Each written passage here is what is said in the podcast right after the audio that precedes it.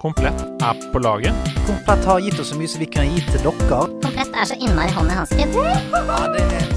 er på laget på nederlandslaget. Trusted by geeks. Ja, ja, ja.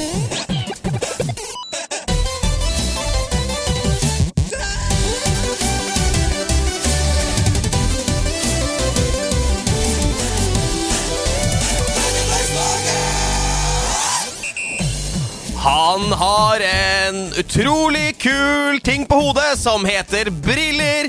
Han er glødende opptatt av litteratur, film og har spilt siden 2012. Han er 25 år og en av verdens beste programledere. Ta vel imot Andreas Hedemann. Origami kazai. Origami kazai. Origami Kasai. Origami kazai. Betyr det noe? Du er, det er du som er japanskkjenneren her? Ja, altså origami. Eh, En form for papirbrettende kunst. Ja, ja. Og så har du Kasai, som er etternavnet til Noriaki Kasai, den Ja, men- kjente japanske hopperen. Det er Maverick Myth som har sendt inn ukas catchphrase. Origami Kasai'. Og det er ikke med S, det er kazai med Z. Oi! Og da lurer jeg på, er det et ord, eller er det bare Uh, har han funnet det på? Fordi det Noriaki Kasai, som jeg kjenner til, er Ja. en hopper som du har intervjua på japansk. Eh, men origami kazai. det Mm. betyr ingenting. Det betyr ingenting, så dette er nok kanskje et innfløkt ordspill. Ja, Uh, der du rett og slett har tatt inn en catchphrase uten å helt vite hva det betyr. absolutt. Maverick Myth, tusen takk for at du sendte inn catchphrasen. Uh, origami kazai. Men jeg syns det er digg å kunne si, da. Ja, ja, det, det, Smelle opp en dør, sparke inn, komme inn i rommet. Origami kazai! Ja. Ja. jeg er her. det ruller av tungen, og alle blir glad. Ja. Hvordan har du det, Hassefar? Det er, helt, eh, det er jo helt eh, Kembo. Jeg, ja, men det, det er surrete i huet, skjønner du, fordi oh, ja, det er eh, surrete i huet. Ja, for jeg har vært uh, forkjøla. Sånn, Ah. sånn gammeldags forkjøla. Uff da. Nei, men nei, nei, men det er bra, fordi det er ikke sånn eh, influensa, det er ikke sånn feber. Det er bare liksom tett i nesa, eh, vondt i halsen og litt surrete i huet. Sånn at man kan ligge på sofaen med god samvittighet, Ja. og man kan være med på podkast og surre bitte litt. Ja, være surrefjes. Ja, men det er ikke surefjes. Nei, du er ikke surefjes, nei. Nei, nei, nei. Dobbel R. Ja, dobbel R. Ja. Så jeg, jeg er kjempeglad. Ja. Ja. Jeg gleder meg veldig til å høre eh, hva du har spilt siden sist, når du har vært Når du er såpass i, i gamer-modus, som man jo er da når Ja. man er litt syk og ligger nede på senga og sofaen og sånn. Ja. Det blir veldig hyggelig å høre. Det blir veldig hyggelig å høre, men eh, enda viktigere er om du har det bra. Det er faktisk Jeg- viktigere enn om jeg har det bra. Jeg har det bra. Jeg var gjest i eh, Level Up sin podkast i forrige uke. Og ja vel? Det var veldig hyggelig. De hadde frafall, både pga. covid og ferie. Mm. Eh, og Frida sendte meg en melding og sa Hei, kan du hjelpe oss? Kan du være gjest? Og jeg fikk veldig sånn derre When Gondor calls for aids, Rohan will answer. Det var den følelsen. Eh, fra Hobbiten 2, er det ikke det? Nei, det er fra Star War.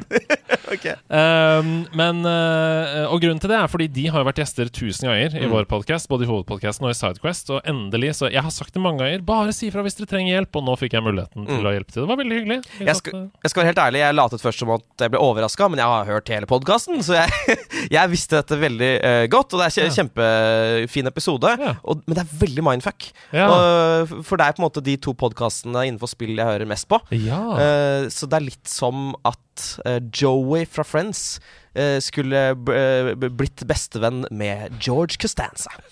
Hva syns du om at jeg stjal din uh, på en måte catchphrase som min åpning, da? Frida sa sånn 'Velkommen til deg, Andreas Hellmann'. Så sa jeg 'Yes, queen'! Ja, du vet hva? Jeg hadde glemt det fram til nå, for jeg husker jeg ble dritsur. Men så glemte jeg det fordi det var så god stemning i studio. Det, gjør, det der gjør du ikke igjen. Yas Queen er min eh, greie. Jeg lover jeg skal aldri gjøre det igjen. Ok. Men du, eh, vi har jo med oss en gjest, og det, vi har prøvd å eh, få henne hit så lenge, så jeg tror vi bare Skal vi bare ta henne inn? Vi må gjøre det, La oss gjøre det. Ukas gjest er i god rute mot å kunne kalle seg doktor i dataspill, og bare der er hun åpenbart kvalifisert for å gjeste nerdelandslaget. Hun er en del av spillkollektivet Spillpikene, en gjeng engasjerte gamere som er noe så sjeldent og viktig som etablerte, profesjonelle på felt som spillforskning og spilldesign. Hennes første spillminne er Blues Brothers i pikslete 2D. Hun koser seg like mye med fantastisk historiefortelling i japanske rollespill som med å gruse motstanderlaget i online-spill. Første gang vi spurte henne om å være gjest i nederlandslaget var 5. august 2020, og nå, over to år etter, står planetene på linje. Det er vi fryktelig glade for, for maka til kompetanse er det sjelden vi har i studio. Når ukas gjest hører seg selv snakke, så hører hun fylde à la Adele. Selv på opptak så hører hun derimot en skingrende nordnorsk Marion Ravn. Ta vel imot doktorgradsstipendiat innenfor dataspill og sertifisert spillpike Ragnhild Solberg!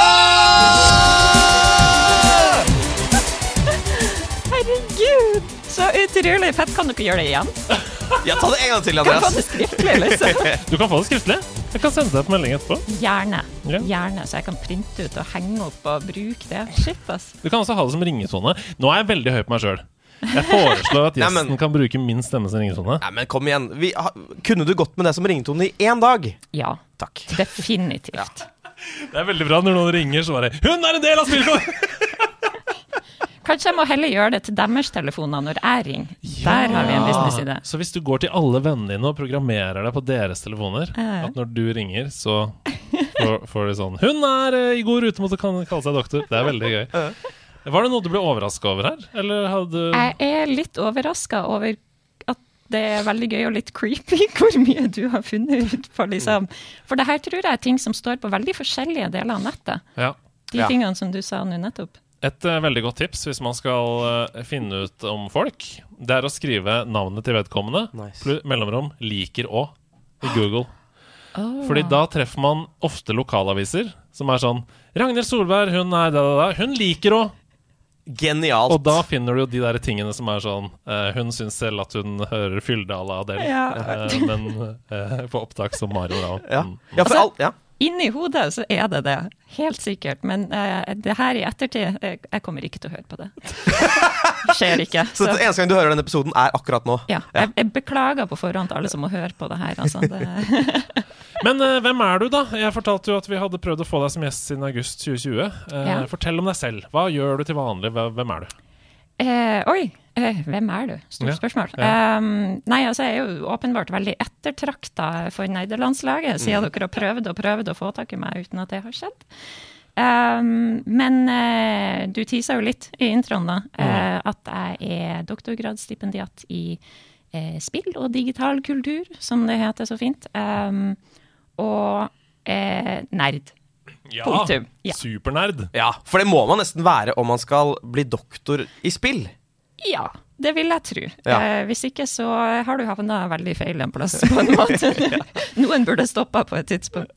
Um, så det er Altså, jeg antar det er kvalifikasjonen her. Ja, ja, Eh, definitivt. Og så eh, Ellers så eh, det, Jeg gjør nok ikke så mye ellers, det er nå det jeg gjør, stort sett. Ja. Men det tar jo veldig mye tid, da, så det er ikke så veldig rart. Eh, Jeg, jeg sa, nevnte jo også Spillpikene i introen her, Ja. som eh, jo du er Som starta som et bloggkollektiv. Ja. eh, sammen med en annen gjest og flere andre gjester vi har hatt der, bl.a. Christina Haley, Mm. som nå jobber i Funcom. Kan ikke du fortelle litt om hva Spillpikene var, og ikke minst hvordan det utvikla seg da, til foredrag og alt mulig? Ja.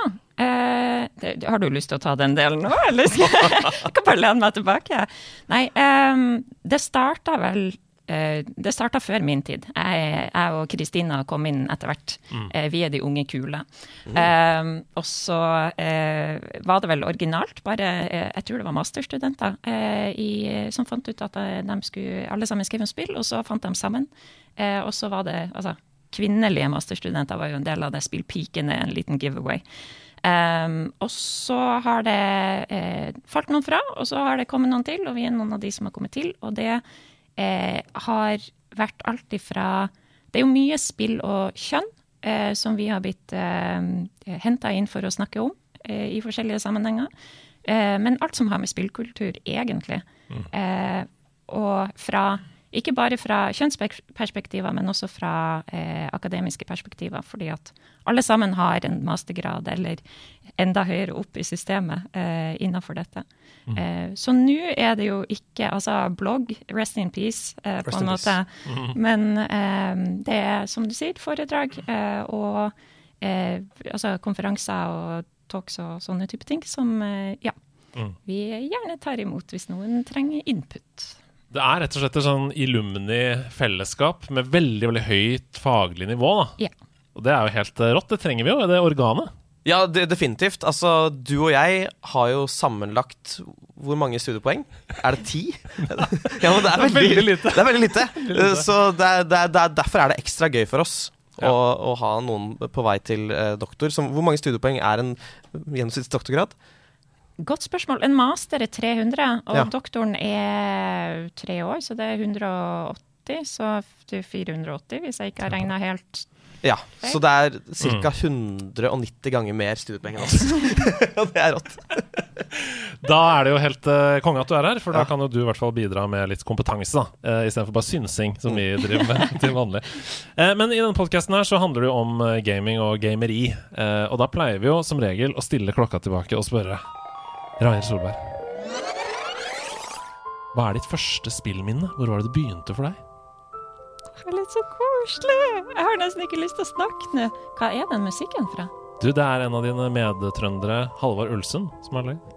Det var så fint. Shout-out. Um, du har jo sagt det òg. Har jeg det? Ja. Ja, stemmer det! Pikslete 2D. Blues Brothers. Fortell om Blues Brothers. Uh, jeg husker jo veldig lite, da, det må jeg jo si. Uh, men jeg, sånn som jeg husker det, så hadde mamma en laptop som Altså, laptop går jo ikke an å kalle det. Det er større enn bordet her, på en måte. Eh, som sto på stua hjemme i Bodø. Og eh, den hadde eh, noe så magisk som et dataspill på seg. Men det var egentlig ikke lov til å spille på den, fordi at det skulle jo jobbes på den. Men altså, hva gjorde man? Det var jo nesten ikke internett på en måte. Jeg skjønte ikke hva det der var. Ehm, så vi fikk lov til å spille litt Blues Brothers, og det er, uh, altså det er jo sånn MS-DOS-spill som sikkert er utvikla til et eller annet annet uh, tidligere. Sikkert noe Amiga eller noe sånt. Jeg kan ingenting om de spilltingene før der. Uh, fantastisk 2D-spill der man bare skal basically Super Mario seg gjennom en verden og unngå politiet for å komme seg fram til at man skal spille konsert, tror jeg. Ja, det høres ut som handlingen i liksom- filmen. Ja, Ja. og så er det musikken fra filmen også, som er tweaka til å funke i en sånn midi Åh, Det er fantastisk. Ja, sånn Respect av Rita Franklin og sånn. Og det kan være, det husker jeg ikke. Det har vært helt perfekt. Wow. Men jeg, jeg mener det, altså. Jeg tror, uh, Hvis ikke jeg tar helt feil, så er vi nå Vi er på episode 160. Jeg tror vi aldri har snakka om Blues Brothers-spillet. Nei, vi har ikke det. Men jeg har uh, spilt det. Fordi når du Ja. snakker om det, så husker jeg det jo. Ja. Uh, og jeg tror jeg spilte det på um, et bibliotek eller noe sånt. Et eller annet sånt Ja. for 150 år siden. Uh, men ja, ikke sant. Blues Brothers, ja. På MS-DOS. Og da var det sånn, for de som er yngre enn MS-DOS-tid, du måtte skrive slash run, og så skrive Blues Brothers for å få åpna Ja, ja, det. ja, ja. Wow, det er Må- koding! Må inn på CMD eller Command-greia på PC-en, ja. Tenk på det. Og det, dette spillet var installert av noen andre da, i familien. Nei, altså det her er greia, fordi at i hele min barndom så har det bare dukka opp og forsvunnet spill. Jeg har aldri liksom gjort noen ting. Det har bare, de har bare vært der, og så plutselig en dag så er de ikke der lenger. Så vi har sånn magisk PC etter hvert når vi fikk stasjonær-PC, der det bare dukka opp spill. Og jeg vet fortsatt ikke helt om det var noen som faktisk installerte dem, eller om det var liksom et sånn mystisk eh, spøkelse som fant ut at her er det en framtidig spilldoktor. Så her må vi Wow. Hvor er Hæ? Gigi Bendris, altså gamernes versjon av For dette er jo gamernes makt, det vi snakker om her nå. Ja. Spill som kommer og går. Det Eh, kan jo være det var noen i huset mitt som gjorde det, men altså Ja, Som ville at du skulle ha en magisk opplevelse Ja. med din PC. Ja, ja, det er veldig Tenk kult. på det. Det er som Sareptas uh, laptop. Altså, du, er, du er en Sareptas krukke av, av forskjellige ordspill nå. Jeg vet ikke hvorfor jeg er så på i dag! Ja. Men det er veldig hyggelig, i hvert fall. Uh, ja, ikke sant. Så denne laptopen det var ditt første møte med på en måte gaming da, og teknologien. Jeg tror det. Mm. Uh, men da var jeg veldig lita. Eh, hvis det var i Bodø, så var det før Jeg flytta da jeg var ni år. Mm. Eh, så jeg, alt før der er liksom et sammensurium av eh, nordnorsk lapskaus. Jeg aner ikke. Jeg prøvde jeg òg, men det funka liksom ikke. Nordnorsk lapskaus er jo nydelig! Jeg har lyst på det med en gang. Er det lys eller brun lapskaus? Nordnorsk lapskaus? Nei, det må være veldig, veldig kjedelig, tror jeg. Sikkert helt brun. Nei, men hvor gikk det videre herfra, da? Gamingmessig, fra denne laptopen? Eh, det var stasjonær-PC. Mm. Eh, så PC i, inn i hjerterota. Eh, så eh, det har vært eh, Little Big Adventure 2, var det vel? Eh, jeg har snakka med broren min før jeg kom hit, og han eh, minte meg på at det var jo selvfølgelig også eh, Og nå skrev jeg ned, så jeg skulle huske på det. Prince of Persia. ja. Snakker vi da 2D-pixel, eller snakker vi 3D Prince of Persia fra Nei, nei. midten av 2000-tallet? Nei, nei, nei. Vi snakker den originale, originale. Prince of Persia. Der eh, lille meg som ikke helt kunne engelsk, snakka om drinker hele dagen. For jeg klarte ikke å si drikk. Eh, fordi at i spillet heter det drink. Eh, og da tenkte jeg at da, da skal jeg ha en drink, jeg òg, liksom. Når jeg, sånn, jeg er tørst, jeg trenger en drink. Eh, Funka litt dårlig når du er sånn sju år gammel, da, men liksom Men veldig sånn Nord-Norge, da. Altså Det er veldig på karakter. Det er stereotyp. Det er fordommer, eh, Andreas. De må ha noe å gjøre der! Det er bare sol halve året! Nei, ok. Um, uh, men var det, kunne du spole tilbake tiden allerede der? I det Prince of Persia-spillet?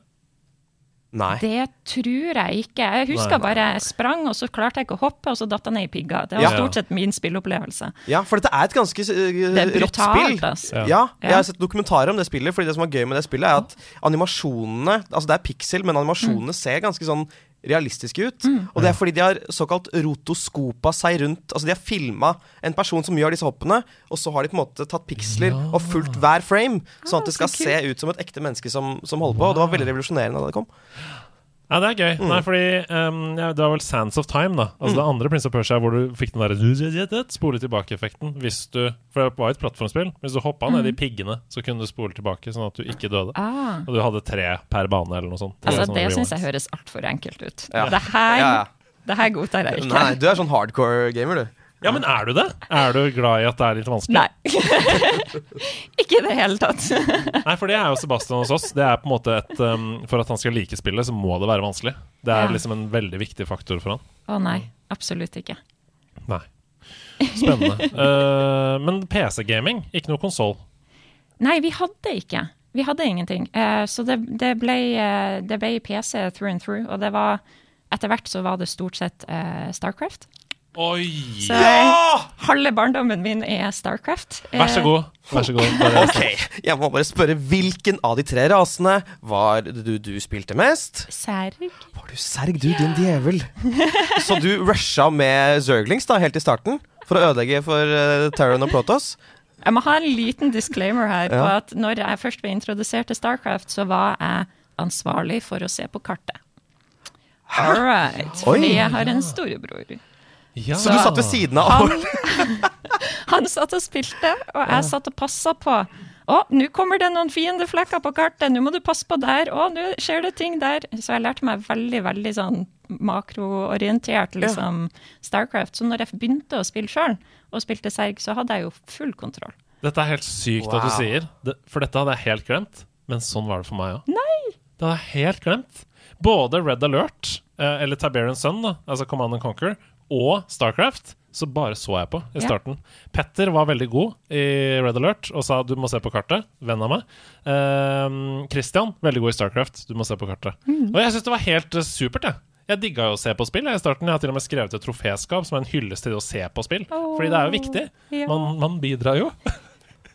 Eller gjør man det? Jeg vet Ja, ikke. ja men, men satt du på en måte og ville bli oppgradert til uh, å kunne få lov til å styre karakterene etter hvert, eller var, det, var du fornøyd? Jeg tror jeg var ganske fornøyd, altså. Ja. Egentlig, på det tidspunktet. Eh, men PC-en var jo en sånn magisk greie. Eh, så hvis man fikk lov til å være liksom der PC-en var, så, så var jo bare det premie nok, på en måte. Det er. Eh, det varte jo ikke så lenge, den magiske Altså, jo, PC er magisk, men det å liksom sitte og se på Man har lyst til å gjøre noen ting etter hvert. Ja, ja, ja. så ja, det ble litt spilling etter hvert. Men fortsett med Starcraft-praten. Jeg kan ikke nok om det spillet. Du kan mye mer.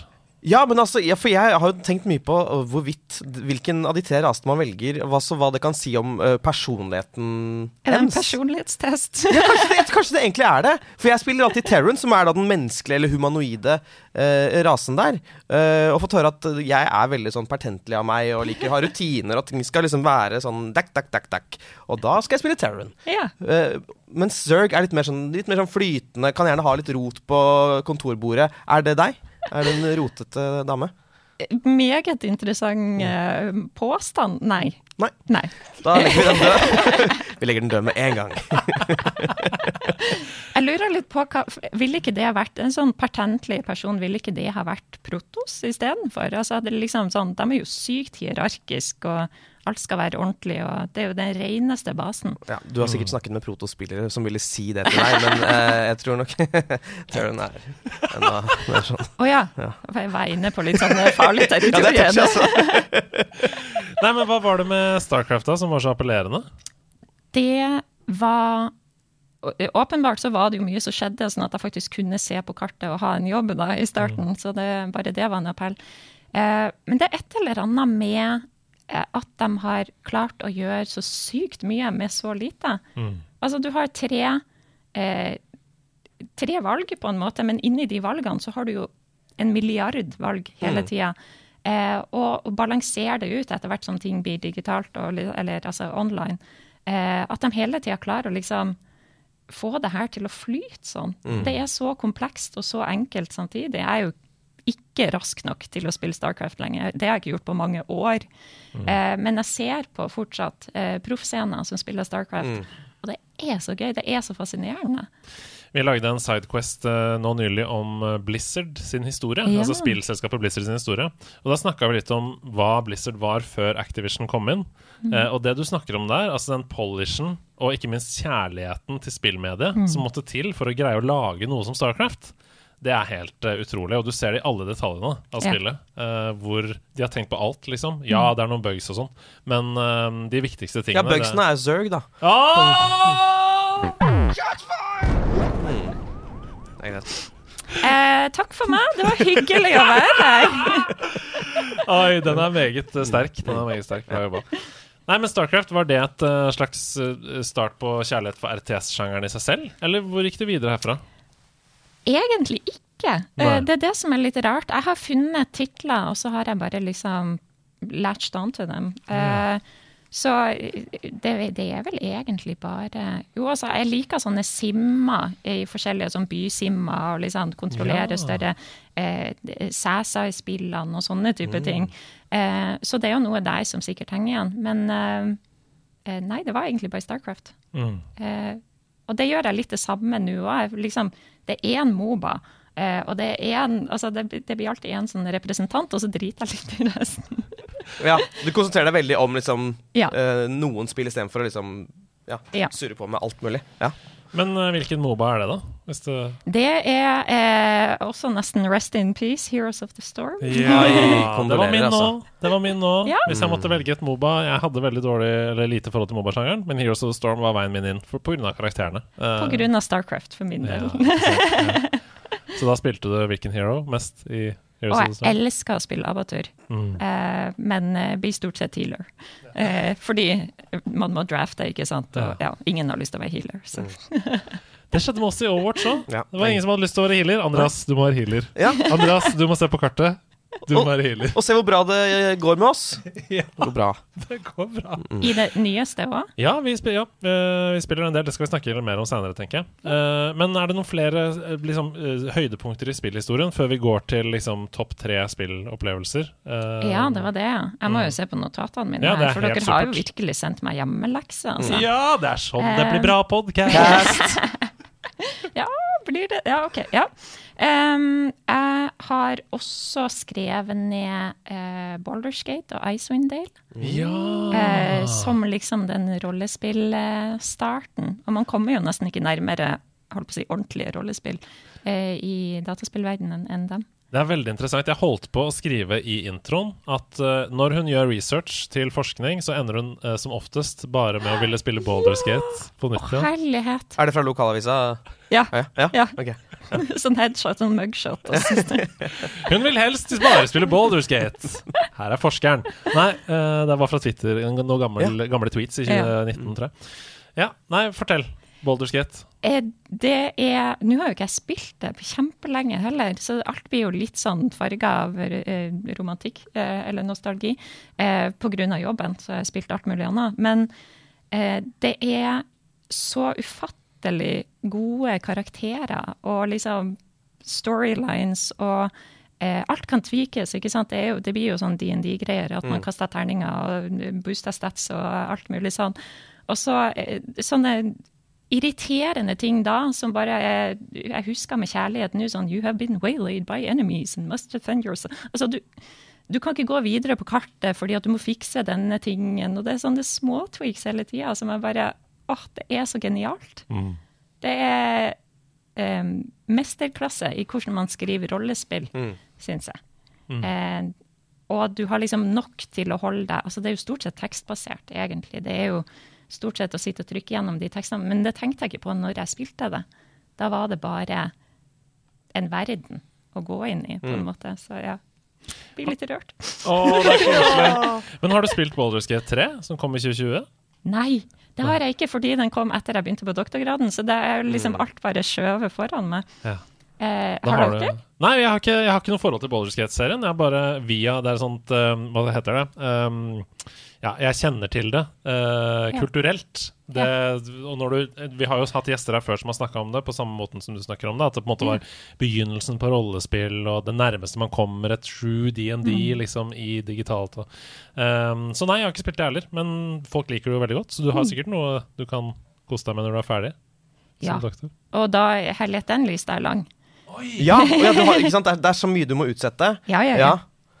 Den, okay. eh, ja. Er det, noen, eh, er det noe du kommer på umiddelbart? Det er dårlig gjort å spørre om. Om det er noe du kommer på på den lista eh, som du har lyst til å spille når du er ferdig med doktorgrad. Men eh, Jeg har begynt litt nå, da. ja. Eh, har jeg. Eh, og eneste requirementet er at det ikke er eh, teknologi med på noe som helst vis, tematisert i spillet, for det er det jeg jobber med. Mm. Eh, så jeg begynte på Red Dead Redemption 2. Nå snakker vi. Som eh, ja, hele verden har spilt, bortsett fra meg. Eh, og litt sånn et, ja, så ta igjen en del titler som eh, har vært på Twitteren min, men eh, ingen andre plasser. Kan jeg spørre, for der skiller folk seg ofte litt. Er det demotiverende for deg? At, at hele verden har vært gjennom det? Nei. Nei. Det er en så god egenskap. Du må ikke undervurdere hvor god egenskap det er. Fordi det er veldig mange jeg kjenner som er sånn Ja, hvis du anbefaler meg et spill altfor mye i dag, gidder jeg i hvert fall ikke å spille det. Mm. Eller sånn ikke, ikke, ikke si til meg at jeg skal høre på den CD-en, Fordi da kommer jeg ikke til å høre på den. Sånn var det på ungdomsskolen, liksom. At det er sånn, du må finne det sjøl. Du har lyst til å liksom oppdage noe sjøl der. Mm. Og hvis alle andre har gjort det, så mister man interessen, på en måte. Bra du ikke er sånn. Jeg tenker jo at det er en styrke, da. Hvis det, eh, altså venner og sånn anbefaler noen ting, så betyr det jo at det er bra. Mm. Da må du jo stole på at du har ganske OK venner. Da. Hvis ikke så må du bytte dem ut med noen Mm. andre. Ja, ja, ja. Vi kan ikke alle være hipstere her. Altså, herregud. Det, Jeg tror det bare er et personlighetstrekk. Jeg tror Mm. nesten ikke man kan styre det selv. At det nesten er medfødt. At det er sånn, Du bare mister interessen litt hvis det er altfor mange som Det høres veldig barnslig ut, men jeg, jeg har opplevd det mange ganger. Mm. At uh, Men det som er vanskelig, er jo altså hvis, hvis det er viktig for spillet, så er det jo å unngå spoilers og sånne type ting. Det er jo det som er vanskelig. Mm. Uh, men så tenker jeg at vi vet jo alle sammen hva som skjer i Per Gynt-ish. Mm. Uh, og det ødelegger jo ikke Det ødelegger jo ikke Per Gynt på en måte. Så Mm. kan man ikke bare tenke på spillene som at de har blitt kanonisert da, på et eller annet vis. Ja. Og så Ja. får man oppleve det sjøl, selv om man har litt peiling på hva som skjer. Ja. ja, det syns jeg er en veldig god tilnærming. Det er jo sånn, Vi får jo Rings of Power på, på Ja. Amazon nå. Og de som har lest Silmarillion eller eh, tilleggene til Ringenes herre, de vet jo på en måte hva som skjer hvis man skal følge boka.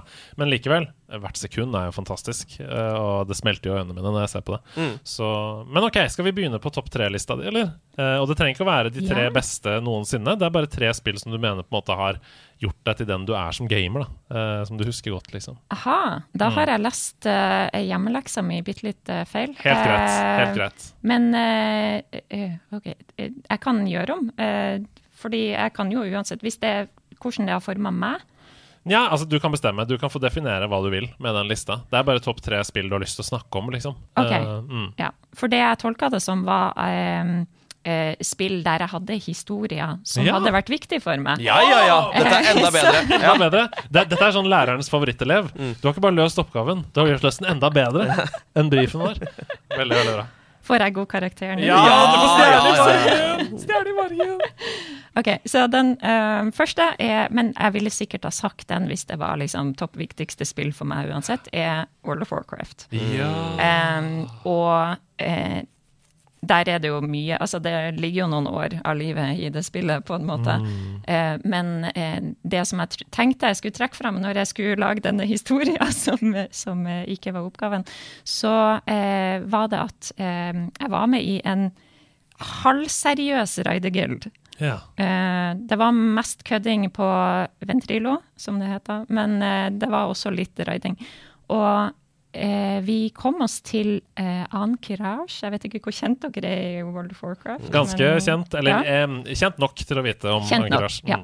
Eh, og der er siste bossen er et sånn der gigantisk øye, Mm. som jeg ikke husker navnet på, eh, som sender ut sånne stråler i sirkel rundt seg. Han står i midten. Eh, og det husker jeg veldig godt, fordi vi kom oss til eh, nest siste bossen. Og så tok vi den, og så skal vi inn i dette siste bossrommet på samme raidet på den kvelden. Eh, men da står vi jo i liksom naborommet eh, til den bossen. Eh, og så finner raidlederne våre ut at vi skal øve. På denne bossen. Oh. Så da er det én person, altså det her er 40 stykker med avatarene sine. Da er det én person som skal være den strålen til det øyet. Oi! Og så er det 39 personer som da skal springe rundt i sirkel og ikke bli fanga av den ene personen som på en måte later som han er den her strålen ut fra det øyet. Sånn at vi skulle passe oss for strålen når vi kom inn i det neste rom. Det er helt Wow. fantastisk. Ja. Da sitter jo da 40 personer rundt omkring i verden og liksom prøver å koordinere det her. Bare springe rundt i sirkel i et rom i World of Warcraft på en kveld. Det, Men uh, sett utenifra så er jo det helt utrolig morsomt. At det er én person Her kommer strålen! jo, men det var sånn Haien kommer, liksom. Bare Men hjalp, dere det, hjalp det dere, tror dere, når det kom inn? Eh, ja, altså, jeg visste jo at jeg skulle springe fra strålen, så akkurat det Ja. hjalp. Eh, men det er jo andre måter å dø på eh, enn Ja. akkurat den strålen. Eh, jeg husker, jeg tror ikke vi tok han på det forsøket, men det hadde vært en veldig mye bedre historie hvis vi hadde tatt han da, så la oss bare si det. Ja. Jeg tror det var det som Så- skjedde, Og egentlig. Ja. fordi de øvde, Ja. så greide de bossen. Moral. Ja, det er bra. Hvis du øver, så blir du flink. Flinkere. Det var da veldig pedagogisk. det skulle bli. Ja, nei, det er bra. Vi har, vi har en professor, så da blir jo vi veldig påvirka av det. Eh, ikke professor, doktor. Snart doktor. Takk. Ja. Det, det, det sank veldig fort, den tittelen der, føler jeg. Uh, du er langt mer doktor enn noen av oss, så vi er bare doktor i god stemning. Ja, det er vi. Alt er gøy med oss. Ok, hva er det neste spillet på lista di? Neste spill eh, er eh, Heroes of Might and Magic Restoration of Arathia, som da er Heroes 3. Ja! Wow! For det er akkurat det jeg skulle si. Det eneste Heroes-spillet jeg har noe forhold til, er Heroes 3. Ja. Hvorfor er det det? Hvorfor er det så Det er så mange som trekker fram det som det viktigste for dem i serien. Så rart, jeg vet ikke. Det er på en måte det eneste. Jeg, jeg har spilt noen etter, Mm. eh, men de har ikke helt den samme stemninga. Er det nostalgi? Er det noe annet? Ja. Det vet jeg Det kan hende at vi er ca. like gamle òg. Jeg vet ikke. det kan være. Jeg er født i 88. Eh, 90. Ja, ikke sant? Så Så vi er ca. i samme ja. Jeg vet ikke når det kom, men eh, Nei, Det var sånn eh, litt sent på Nei, kanskje ungdomsskole, barneskole, Det kom i ungdomsskole. for min del. 1999. Ja, ikke sant? Jeg var 11. Ja, Mm. det Ja, og så tok det jo gjerne i hvert fall ett år før man plukka opp spill. Før.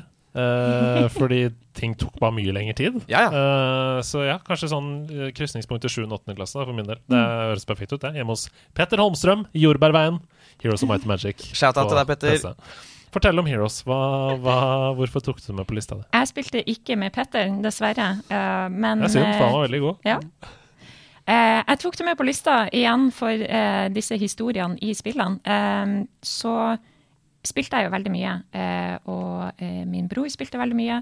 Eh, en periode, og så spilte jeg veldig mye lengre på akkurat dette spillet. Eh, og de har en eh, veldig undervurdert mapmaker i Heroes 3. Ja. Så man kan lage sine egne kart, og så kan eh, man spille ut de kartene etterpå. Eh, så jeg satt jo i timevis og lagde veldig intrikate kart, der man må gå dit for å låse opp den, og slåss mot dem for å få den, og så er det sånne signposts med sånn 'Å nei, det er ikke her', videre. Eh, for at broren min skulle spille. Eh, og så, eh, hver gang jeg var ferdig med noe, eller følte jeg var ferdig med denne store verdenen der han skulle gjøre alle disse lure tingene, eh, så var det liksom Ah, kult. Spilte aldri. Nei, men det, det du snakker om brukte timevis på å lage de kartene. For det du snakker om der, er jo historiefortelling. Altså, du, du skrev eh, på en måte et stykke som han skulle spille ut, da. På en måte.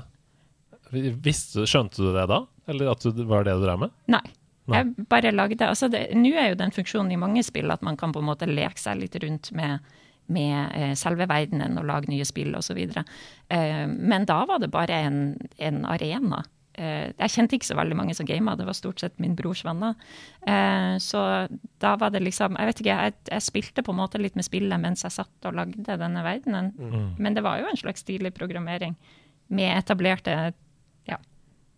Åh, det er gøy. Det er veldig gøy. Jeg kjenner jo det kommer masse sånne minner tilbake som jeg også har glemt. Hvordan jeg holdt på i Lemmings, liksom. Bare med å lage mine egne custom baner. Og også sånn type historiefortelling, da. Som er sånn Hvis de graver seg ned her, da finner de en mine, og da blir det spreng! uh, på veldig lavt nivå, selvfølgelig. Men det var jo nettopp det at jeg Det var jo som å lage en film. Eh, Og det gikk jo selvfølgelig over til Windows Movie Maker på et tidspunkt. Ja, Eh, etter år 2000 mm, kom det. Nei, men så gøy. Ehm, husker du liksom er, Var det noen klasse du likte veldig godt å spille med i Heroes? Uh.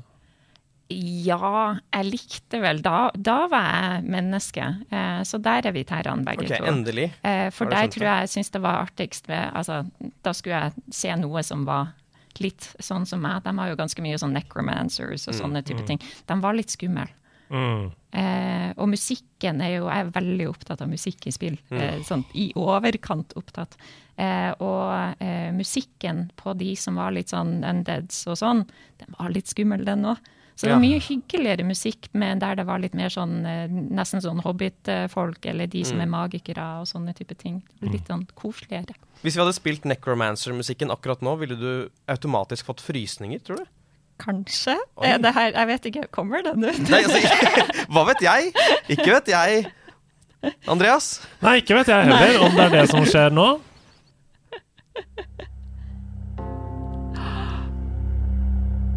Å, shit. Å, det der er så sykt!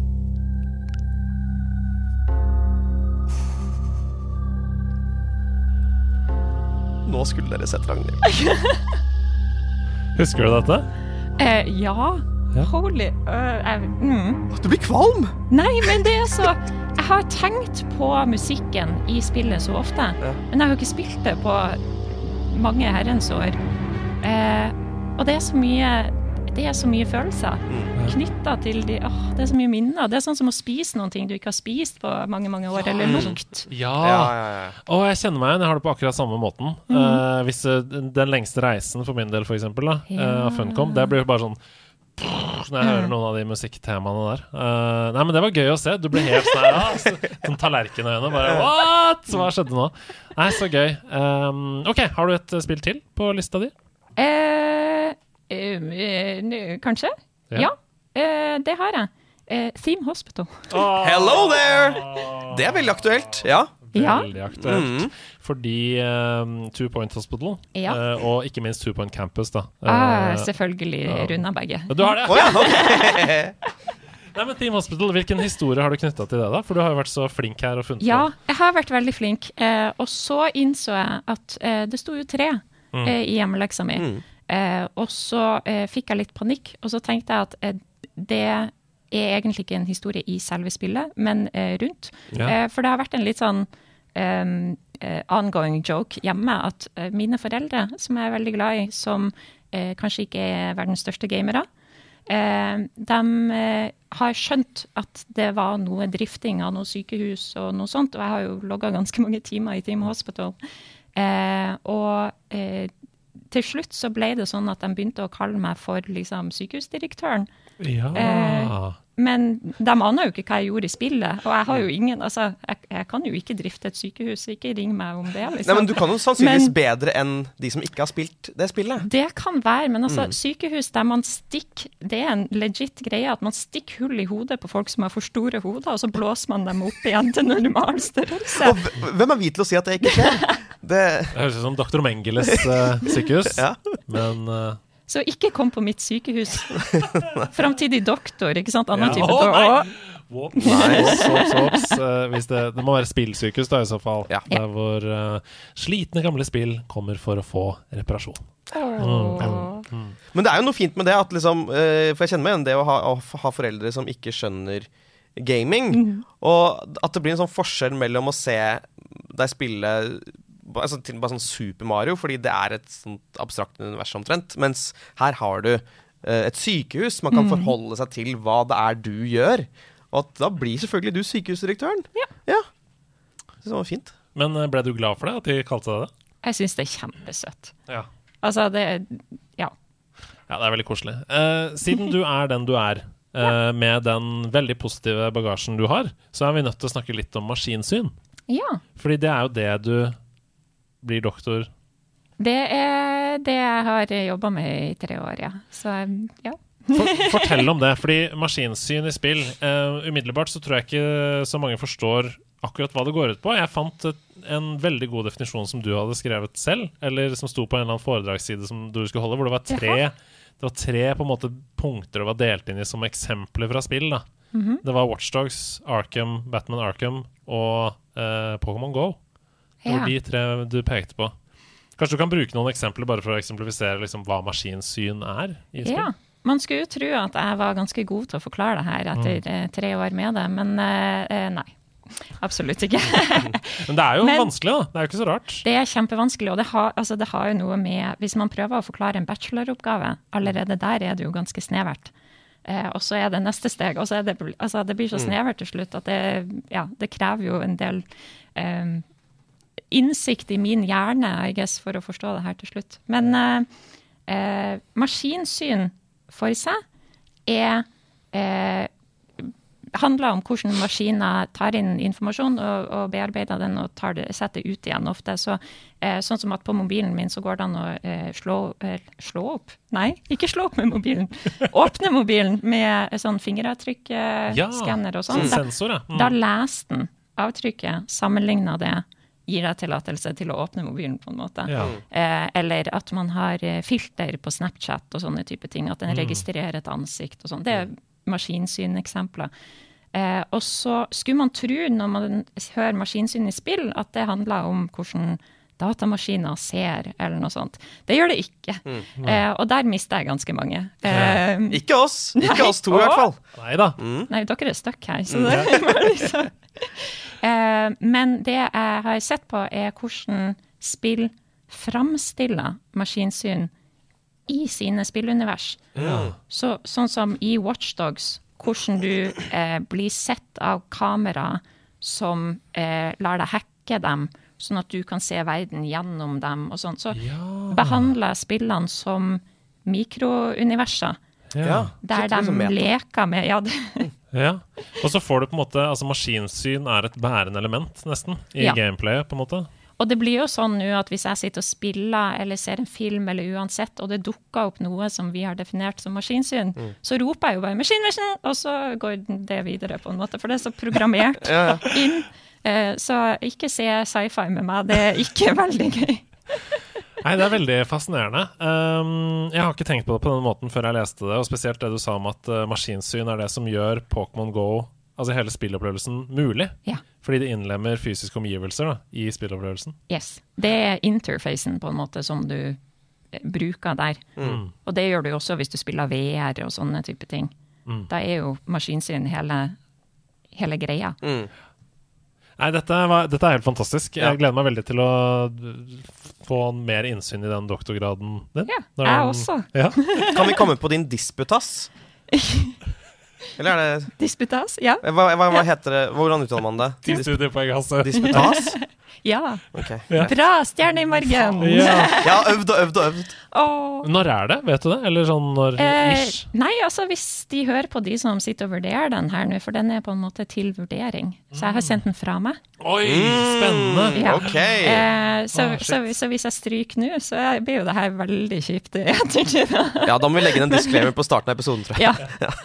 Eh, så eh, de eh, sitter forhåpentligvis og finner ut at det her er veldig, veldig bra. Eh, og hvis de gjør det, eh, så blir det rett på nyåret Ja. eh, at jeg får lov til det. Men hvis de finner ut at det, det her er ikke veldig bra, så mm, gudene veit. Da ja.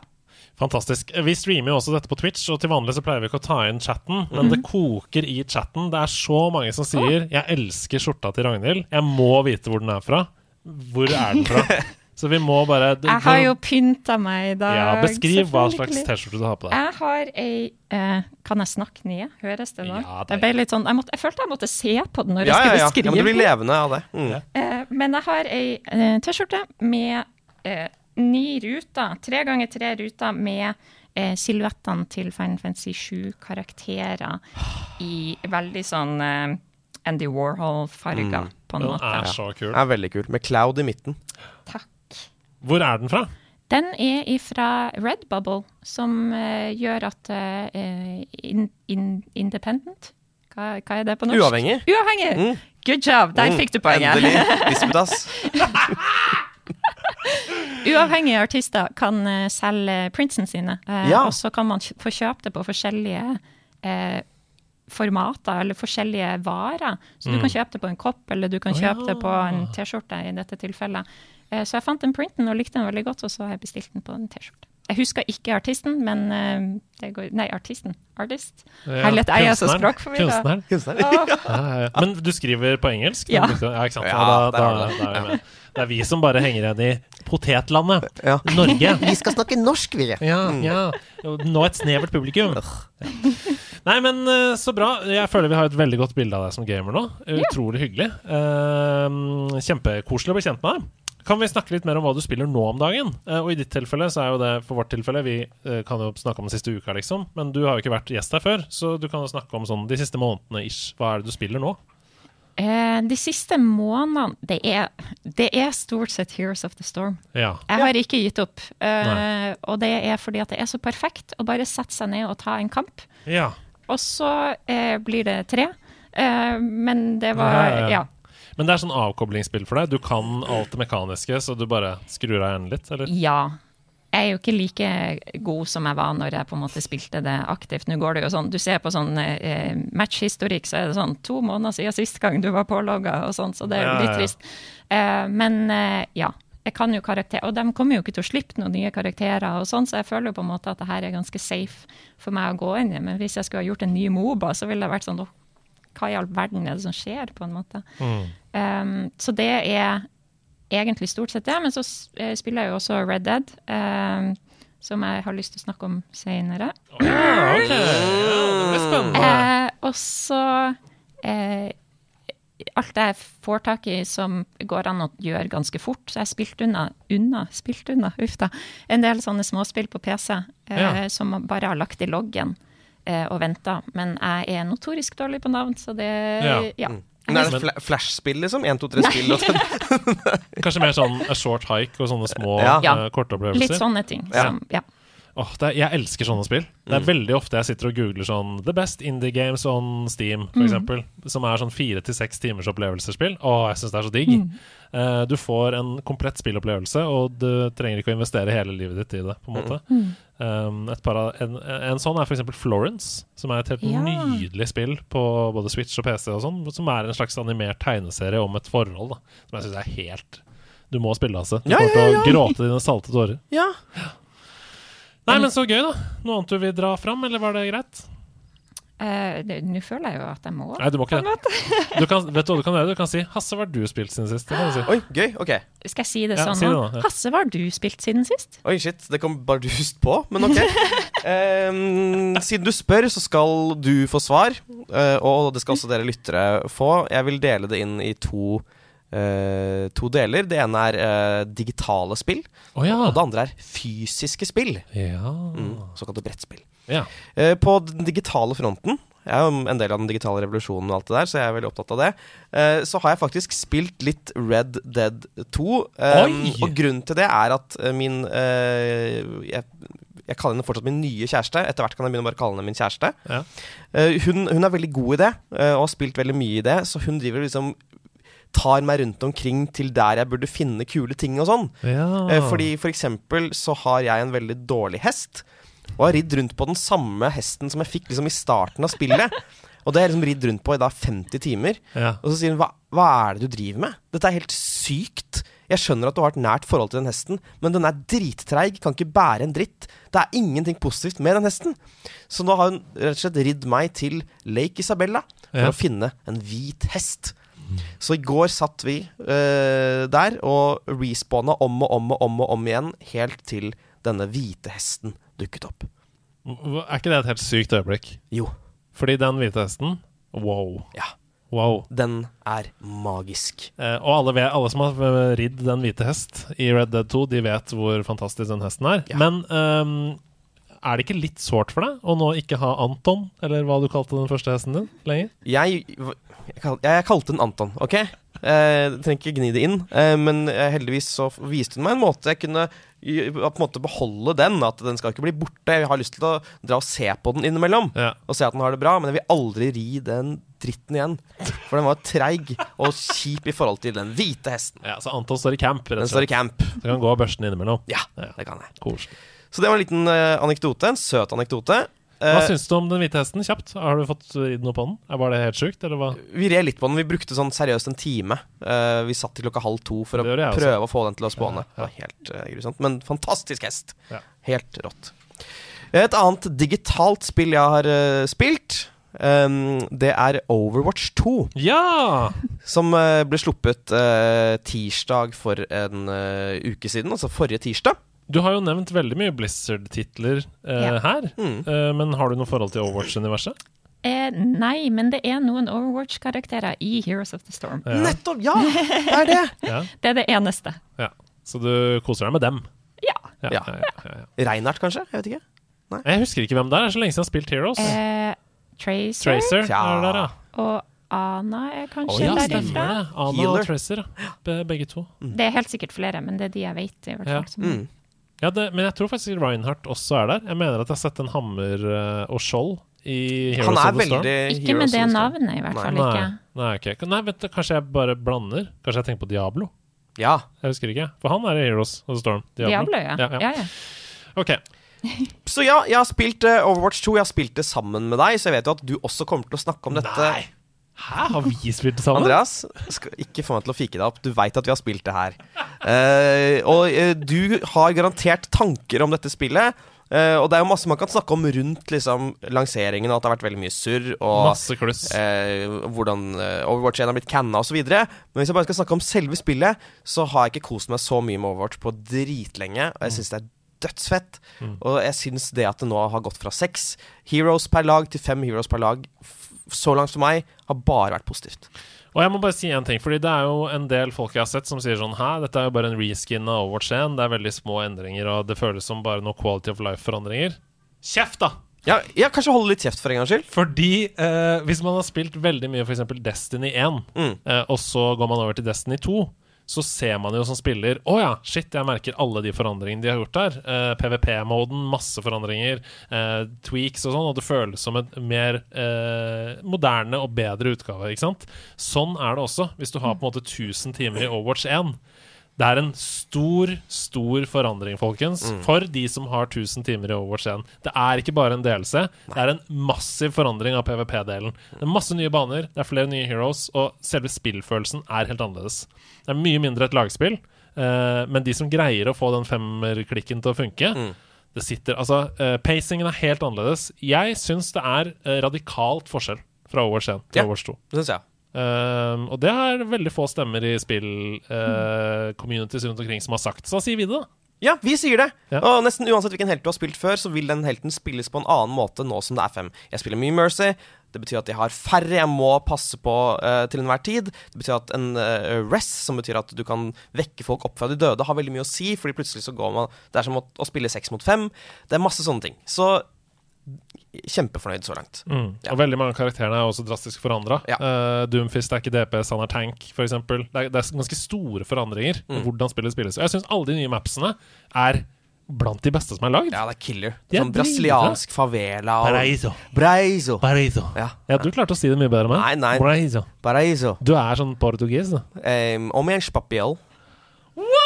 papel. Du må bare slenge deg på, Ragnhild. Ja, vi bare noe- sitter og banterer, vi. Mm. Uh. Jeg har ingen, ingen fornuftige portugisiske fraser å komme med. Åh, altså, det må du få deg, ass. Ja. men har du vært i Brasil? Eller lignende? Portugal? Nei. Nei, for ikke jeg heller. Oi, oi. Gud, takk. Vi liker at gjestene våre har det. Men du har det. Nei! Hvorfor kan du portugisisk? Ja, men fordi jeg har et språkøre! Ja. Ja. Vil det si at det er nå eh, For, for uh, tapte Heroes of the Storm-sjela, er det nå man skal starte med Overwatch? Er det liksom Jeg tror det, altså. Og det er gratis, så det er Du kan Ja. jo bare laste det ned. Jeg syns det er eh, superbra tidspunkt å begynne å spille Overwatch. Spilte sammen med Jostein i Radcrew i går, jeg og Pu, eh, og Jack i Radcrew. Eh, De hadde ikke spilt siden bare noen få timer i 2016, Overwatch 1, og de sa dette er sjukt gøy, og det er gøy å spille med noen som kan det. Nå skjønner vi på en måte hva som er gøy med det, da. Um, fikk en play of the game med Diva der, Jostein. Ja. Helt rå. Ja. Altså, det er veldig gøy. Uh, det eneste som jeg har å uh, på en måte utsette på det så langt, det er at eh, Kiriko, den nye heroen, og andre heroes som kommer framover i tid, er låst på level 55 i Battle Passet. Jeg har spilt så mange timer, og jeg er på level 19. Ja, ja. Så med andre ord, hvis du skal spille det helt gratis, så må du nok spille 30, 20-30 timer for å låse opp de nye heroene. Mm. Det er mye, ass. Det er for meget. Det er for mye. Ja. Så jeg håper de justerer på det. Endrer på det. Det tror jeg det gjør. Noe mer du har spilt? Uh, ja, det neste da blir da uh, uh, brettspill, eller fysiske spill. Jeg er jo en del av den analoge revolusjonen også. Um, og jeg har spilt en del brettspill med, med min nye kjæreste og, og hennes venner. Og det er hovedsakelig fire spill vi har spilt. Ja. Og det er rett og slett Det er Secret Hitler. Ja! Dette spillet der man skal eh, noen er fascister og noen er snille, og man skal finne ut av hvem som uh, er slemme. Det er uh, Avalon, som er et lignende spill der du har snille og slemme. Du skal prøve å ikke vise at du er slem. Det er uh, Sabotør, som er et sånt Du spiller liksom sånne små krabater som skal bygge veier, og så er det én som er sabotør, eller to som er sabotør. Og det er Kameleon. Der man sitter rundt et bord og skal snakke om uh, uh, ett ord. Alle skal si ett ord de assosierer med et gitt ord. Og så er det én person som ikke vet det ordet, men som må finne på for å være en slags kameleon. Eller uh, altså i det skjulte. Og så har jeg tenkt sånn Shit, hva er det egentlig som er felles for de spillene her? Og så skjønner jeg at herregud, dette er jo fordi jeg ser jo masse på Forræder på TV2. Jeg elsker realityserien Forræder på TV2, der det handler om å være en snik som ingen andre skal klare å avsløre er slem. Det her er så typisk Terran. Vet du hva? Den tar jeg. Shots fired, men den, den, den tar jeg. Vet du hva? Forræder på TV2 er det beste nye norske TV-konseptet. Ja. Det er basert på et annet lands konsept. Siden Kompani Lauritzen. Ja, ja, ja. Det er fantastisk. Det er så bra. Men er ikke Forræder egentlig bare liksom den muldvarpen? Jo, Jo, det er Ja, det! Jo, det er egentlig det! Det er det! Ja. Jeg tror på dere. Det er det, men det, er, men det var jo mye mer en realityserie. Også selvfølgelig sånn som alle på tidlig 2000-tall. Vi skal reise til Sør-Frankrike for å gjøre dette. Hvorfor det? Det er like greit å gjøre det i Sandefjord som forræder. Ja. Eh, og så var det altfor kompliserte regler på Muldvarpen. Eh, men jeg elska jo Muldvarpen. Um, men, eh, men ja. Det er, det er mye renere. Det eneste som mangler i Forræder, eh, som de veldig, veldig bra har gjort eh, med sideinnhold Altså som ligger på nettsiden tv2.no. Gå inn og se. Ikke et kommersielt samarbeid, dette. Um, eh, det er at der viser de videoer av deltakere som har røket ut, som får vite hvem forræderen er. Oi, det har ikke jeg sett! Det er så bra! Det burde vært en del av programmet. Altså, Djengis, når han sitter der og får vite hvem forræderen er Vi skal ikke spoile det for de som ikke har sett serien. Han bare Jeg vil ikke si kjønnet, men den personen Jeg skal aldri stole på en klem igjen. sier han. Oi, oi, oi, oi, oi. Altså, det er så Og han bare Å, shit, altså! Det er helt sjukt gøy å se på. Og Ja. de, de reaksjonene der, de vil jo ha det. Uh, fordi hvis jeg hadde vært med i Forræderspillet, så hadde jeg jo klikka hvis jeg aldri hadde fått vite hvem det var som Mm. Ja. uh, Men det, er, det er veldig, veldig gøy. Det er fantastisk. Så det er eneste anbefalingen jeg har denne uken. Mm. Jeg sender ordet videre til deg, Andreas. Ja, takk skal du ha. Jeg har spilt et spill som jeg også snakka litt om i Level Up-podkasten. Og det er et spill som heter Hard Space kolon Shipbreaker. Eh, Hard Space colon Shipbreaker. Jeg satt og bladde meg gjennom Xbox GamePass. Og så ble jeg nysgjerrig på det. Jeg går ofte inn på spill som jeg syns uh, ser eller høres eller virker spennende ut, uh, og ser på den videoen som ligger der, da, av de spillene. Og da ble jeg nysgjerrig på det pga. karakterene som det hadde fått. For det sto sånn 9 av 10, 10 av 10, 10 av 10, 9 av 10, PC-gamer 9 av 10, IGN 10 av 10, ikke sant? Da ble jeg sånn Oi, shit, er det hva slags spill er dette, som jeg aldri har hørt om, men som tydeligvis alle hyller? Det må jeg sjekke ut. Og jeg skjønner hvorfor det hylles. Fordi på overflaten så virker det som et veldig mm, tradisjonelt work sim-spill. Altså eksempel sånn som American Truck Simulator. Ja, Du får Eh. et yrke, og du skal gjennomføre det realistisk. Nettopp. Men under overflaten så minner det kanskje litt om uh, The Stanley Parable. Sånn fortellermessig og humormessig, og ikke minst at det sier noe om tiden vi lever i. da. Fordi Hardspace Shipbreaker det går ut på at eh, jorda, menneskeheten, har, er i en apokalypse. Eh, og eh, det man kan gjøre, er å være astronaut og få jobb om å reise ut i verdensrommet. Og jobbe med å på en måte gjøre gamle romskip som henger oppe i verdensrommet, om til skrap. Sånn at du, du thruster deg rundt i verdensrommet med romdrakt, og så skjærer du eh, skrog og sånn, og så på en måte resirkulerer du det. Ja. Det skal inn i det romskipet, og det skal inn i den ovnen og sånn. Men day one, på en måte, av uh, dette arbeidslivet, da, så er det sånn uh, Nå må du koble deg til denne maskinen, sånn at du kan leve evig. Uh, vi skal bare ta DNA-koden din her nå, så er det ikke noe farlig om du dør i verdensrommet. Det kommer til å gjøre litt vondt. Så blir det på en måte gjort sånn, og da har de løst spillgreia. At det gjør ikke noe dø. Ja. For å bli gjenopplivet igjen. Ikke sant? Ja. Og det neste de sier, er sånn eh, Takk for at du har valgt eh, en arbeidsplass. Du er en av veldig mange tusen som har søkt. Du er veldig heldig. Her er regningen. 10 millioner dollar, 70 millioner dollar kosta det. 50 millioner dollar, 39 millioner dollar. Så er det sånn reise til romstasjonen. 750 millioner dollar. Så det er sånn Det du basically har gjort, da, det er å få en jobb som gjør deg til evig gjeldsslave. Så det er veldig dystopisk. ja, det er dystopisk. Når du er ferdig på jobb etter å ha holdt på med de tingene, så går du inn i en bitte liten lugar hvor det står sånn Dette er en drøm for deg. Ja. På veggen. Ja. Det, ok, så der, der snakker vi kommentar til eh, hvordan mange arbeidsplasser ser på sine ansatte. Ja, ikke minst en kommentar til hvordan uh, det moderne livet åpenbart virker som at du skal utdanne deg ferdig, jobbe til du dør. Og da sitter du igjen med masse gjeld. Så skal du selge huset og så betale den gjelden, sånn at barnebarna dine ikke har gjeld. Mm.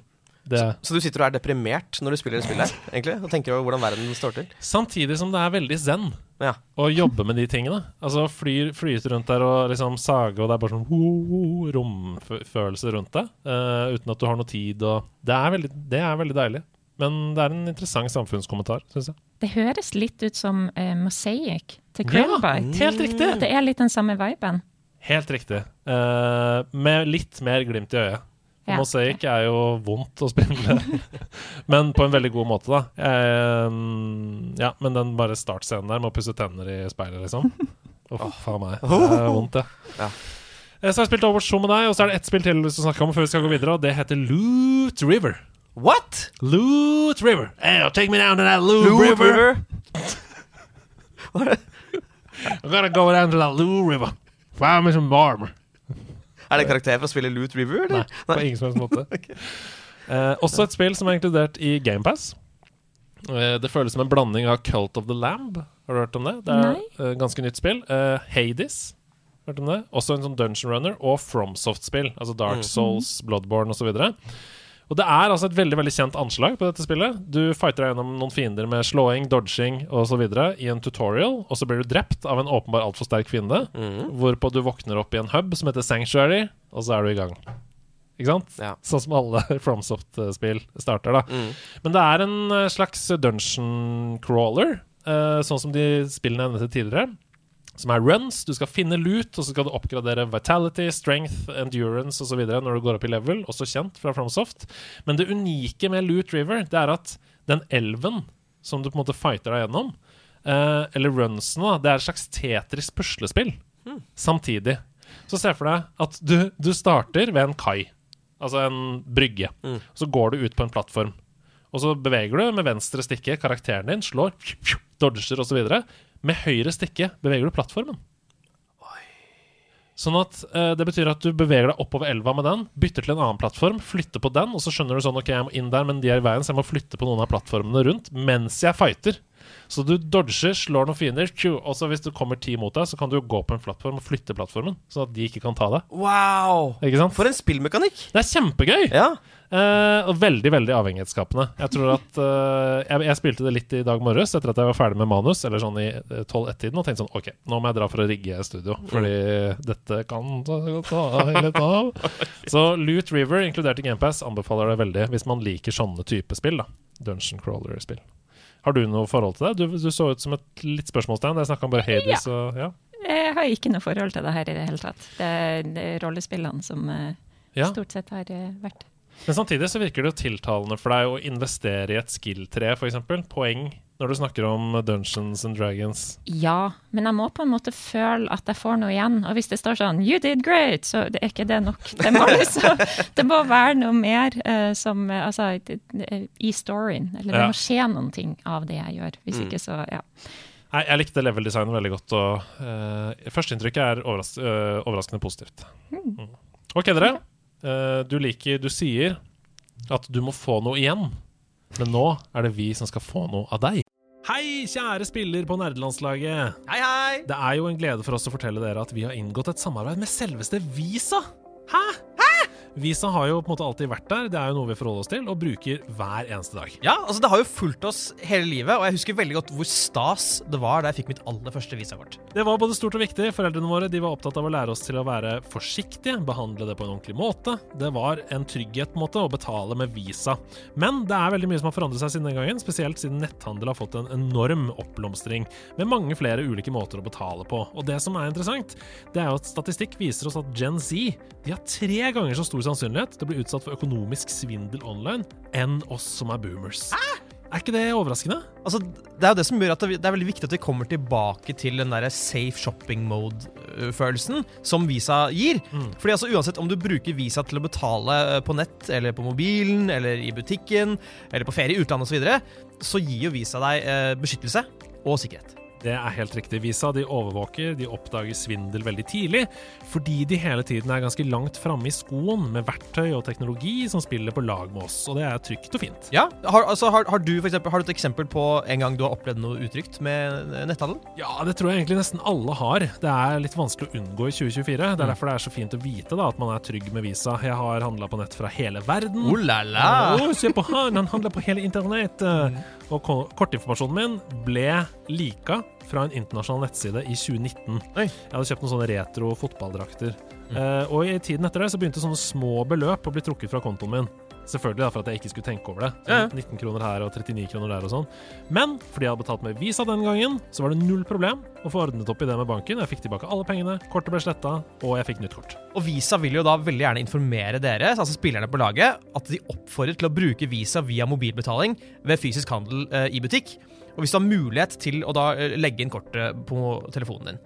Og når det kommer til online-betalinger, så anbefaler de å bruke Visa-kortet som normalt. Altså bare legge inn informasjon. Ja, og Poenget med å snakke om det her, det er å understreke for alle dere som hører på, at dere er beskytta mot svindel når dere bruker visakort. Dersom noen bruker ditt visa til uautoriserte online-betalinger, gjennom hacking, eller hvis du rett og slett bare fysisk mister eller får stjålet kortet ditt, så står ikke du ansvarlig pga. Visa sitt Zero Liability-program. Så du er beskytta hvis visakortet ditt misbrukes, både online og offline. Og det er veldig digg å vite. Ja, Kjempedigg. Helt enig. Altså, selv om verden føles litt utrygg i 2024, så er du i hvert fall trygg når du bruker Visa til å betale. Enkelte begrensninger til Visa Zero Liability Program gjelder. Les mer på visa.no, eller kontakt din bank for å lære mer om hvilke vilkår som gjelder for din avtale. Ha med, ha med dag. Hey, hey. Ha med, ha med dag. Ha med ting etter ditt behag. For det er ha med dag. Hva har hun med i dag? I dag! Ragnhild Solberg dag. Har hun med seg en ting som kan fly opp i et sag? Eller har hun tatt med en liten bag som er full av melis og krem? Jeg vet ikke, har jeg eksem? Nei! For det er Ha med med deg. Hun har også med seg et vannglass på sin pult. Alles på sin pult! Er det en del av det hun har med seg? Nei, det var noe hun fikk fra Andreas Trult. Hun stakk innom Outland, hennes favorittbutikk. Nei, de skal vi gi masse kritikk! Hæ? For det er ha deg! Eh, Altså, hæ? What? Ikke sant? Hvordan følger jeg opp det? Nei, men Nei, du skal ikke følge opp det. Du skal bare vise hva du har tatt med deg i ha-med-dagen din. Ja, jeg har med et eksem, tydeligvis. Andreas hadde med seg eksem. Jeg har med eksem Ja. og kritikk mot Outland. Ja, jeg grunn, Men vi er jo veldig glad i Outland. De har jo fylt hele House of Nerds der vi sitter med brettspill. Vet ikke hvor det kom fra, Uh, men sånn er den finurlige hjernen. Mm. OK. Hva er det du har tatt med deg? Jeg har eh, tatt med noe som jeg måtte tenke ganske mye på. Åh, det er de beste tingene. Eh, fordi at eh, For det første, jeg skal fly hjem i kveld, eh, så det måtte få plass i den lille sekken jeg har med. Ja. Eh, og så eh, hadde jeg lyst til at det skulle være noe som eh, Som Ja. Kanskje, kanskje jeg ikke har dekka med de andre tingene. Ja. Fordi jeg visste jeg kom til å snakke om jeg visste jeg kom til å snakke om Final Fantasy og Sukoden, men det har jeg ikke snakka om. Eh, men det var liksom Ja, uansett. Ja, det, Det gjennom kan vi snakke om T-skjorta, da. Mm. Ja. Du har, du har snakka om det gjennom T-skjorta. Ja, Final sant. Fantasy 7 er åpenbart veldig viktig for deg. Eller? Ja. Ja. 7 og ni. Der, der De to beste. Ja. Men det, betyr, Eh. det er veldig bra, for da kan jo du lage Sidequest sammen med meg om Final Fantasy 7 og 9, f.eks. Eh, ja, jeg var og spilte eh, sånne fysiske spill, eh, som det nå heter, heter, har jeg lært av Hasse Hope. eh, hos en kompis, og så satte han på soundtracket til eh, Final Fantasy 9, og jeg satt og sa titlene på alle sangene etter hvert som de kom. Eh, så der føler jeg at jeg kan bidra litt. Eh, men eh, det var ikke det jeg skulle si nå. Eh, jeg har tatt med noe som egentlig ikke er veldig viktig for meg, men som symboliserer noe som er veldig viktig for meg. Ja. Eh, og det skal sies at Du har jo vært litt inne på det tidligere, du. Med at eh, jeg Noe av det første jeg gjorde når jeg fant eh, Paint, MS Paint, det var å spraycanne. Eh, for det var den eneste funksjonen jeg fant. Eh, i den her runeinskripsjonen som står på Balin sin tomb i eh, Moria. Så altså, det er det første jeg lagde i Paint ever. Så det jeg har med Det er så vilt å høre! Det, hva var det første jeg lagde i uh, Paint? Det tror jeg må ha vært en strekmann. Ja. Uh, men Balin sin tomb-inskripsjon i Moria med spray! Det er helt rått! Wow. Hvem er det som ligger ved siden av den tomben igjen med hodeskall i filmen? Jeg tror det er Ori. jeg. Eh, fra, fra, som vi også ser i Hobbiten. Eller er det Dory? Husker ikke. Uh, vet ikke. Veldig spennende. Jeg skulle ønske jeg kunne nå, for da hadde jeg framstått enda kulere. Ringenes Det er jo helt ja. Det er jo helt rått at du gjorde dette i, eh, i Paint. Hva, men hva er det du har tatt med? Jeg har tatt med dette. Det er, hun holder opp to små lapper. Å, kinobilletter! tre Kinobilletter! små. Det er da altså eh, Det står 'Ringenes herre, Ringens brorskap', Nova 1, som er den største salen i Trondheim. 'Ringenes herre, to tårn' og 'Ringenes herre, atter en konge'. Eh, dato Det står kjøpsdato på dem. 2001, 2002 og 2003. Å, jeg har gåsehud på hele kroppen! Ja! Ja! Du har kinobilletter! Jeg må se på dem. Å, shit, jeg er redd for å fukte dem. Skal jeg Jeg, jeg tar med meg mikrofonen bortover her og kommer Å, fy søren. Tenk at du har greid å holde de med så godt i blekket. Har du, hvor har du lagt dem? Den første er litt feida, da, så Ja. det er nesten litt vanskelig å se. Jeg har ikke Internettpris kroner 75. 75 kroner for å gå på kino. Åh, Wow. Nova 1. Jeg har ikke tatt vare på dem fordi at det var spesielt sånn at jeg skulle ta vare på dem. eller Nei. noe sånt. Jeg, har bare, jeg hadde en sånn liten boks der jeg bare putta litt sånn randomme ting, og så Ja. har de bare overlevd alle flyttinger og alt sånn. Eh, Så når jeg gikk ned til den boksen, for jeg tenkte her må det være noen ting som jeg liksom så så jeg dem, og da var det selvfølgelig Ja, for det er jo veldig gøy, da. At, altså, fordi man visste jo ikke Man skjønte jo at det var store filmer da, men man visste ikke hvor viktige de skulle være Nei. for liksom At vi, kom, vi kommer til å fortsette å snakke om disse filmene i, om 20, og 30 og 40 år. Så det, det kunne jo vært billetten til Equalizer 2, liksom, og det ville ikke hatt Det ville ikke vært verdt noen ting. Men her er det liksom Ja, Når man ser de tre billettene, det er helt Jeg lagde Sidequest om uh, Silmarillion og Rings of Power de forrige ukene. Uh, ja. Og um, da åpnet jeg denne episoden med å fortelle om T-baneturen på vei hjem fra Colosseum kino til Munkelia T-banestasjon etter å ha sett Ringenes brorskap for første gang. Og jeg satt og bare Jeg var ikke til stede på den T-banen. si Det sånn. Det var så stort for meg. Men eh, For du sa at disse billettene i seg selv er ikke så viktige, men de symboliserer noe som er viktig. Så åpenbart Ja. er Tolkiens universer veldig viktig. Det da. er hele Tolkien-universet eh, Ja. som, som er det. Eh, og det var et eller annet med å Altså, jeg, f- jeg fant bøkene tidlig. Hele, hele greia. Jeg leste Silmarillion litt for tidlig, og det kan forklare ganske mye, tror jeg. Eh, så det er bare eh, Når man endelig får liksom får se det. Ikke nødvendigvis at jeg, altså, Å se det på film var jo fantastisk, og musikken er jo helt insane. Eh, men det var liksom det å bare se noe som jeg syns var skikkelig kult ute i verden.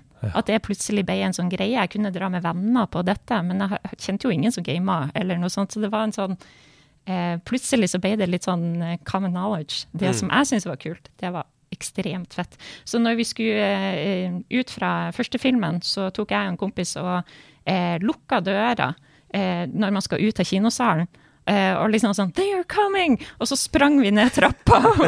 Sånn, da var vi jo elleve. eller noe sånt. Eh, så det er bare ja, hele, hele Tolkien-universet som jeg er litt for opptatt av, kanskje. Du er ikke den eneste. Jeg drømmer om Mithril når jeg legger meg om natta, så du er ikke den eneste.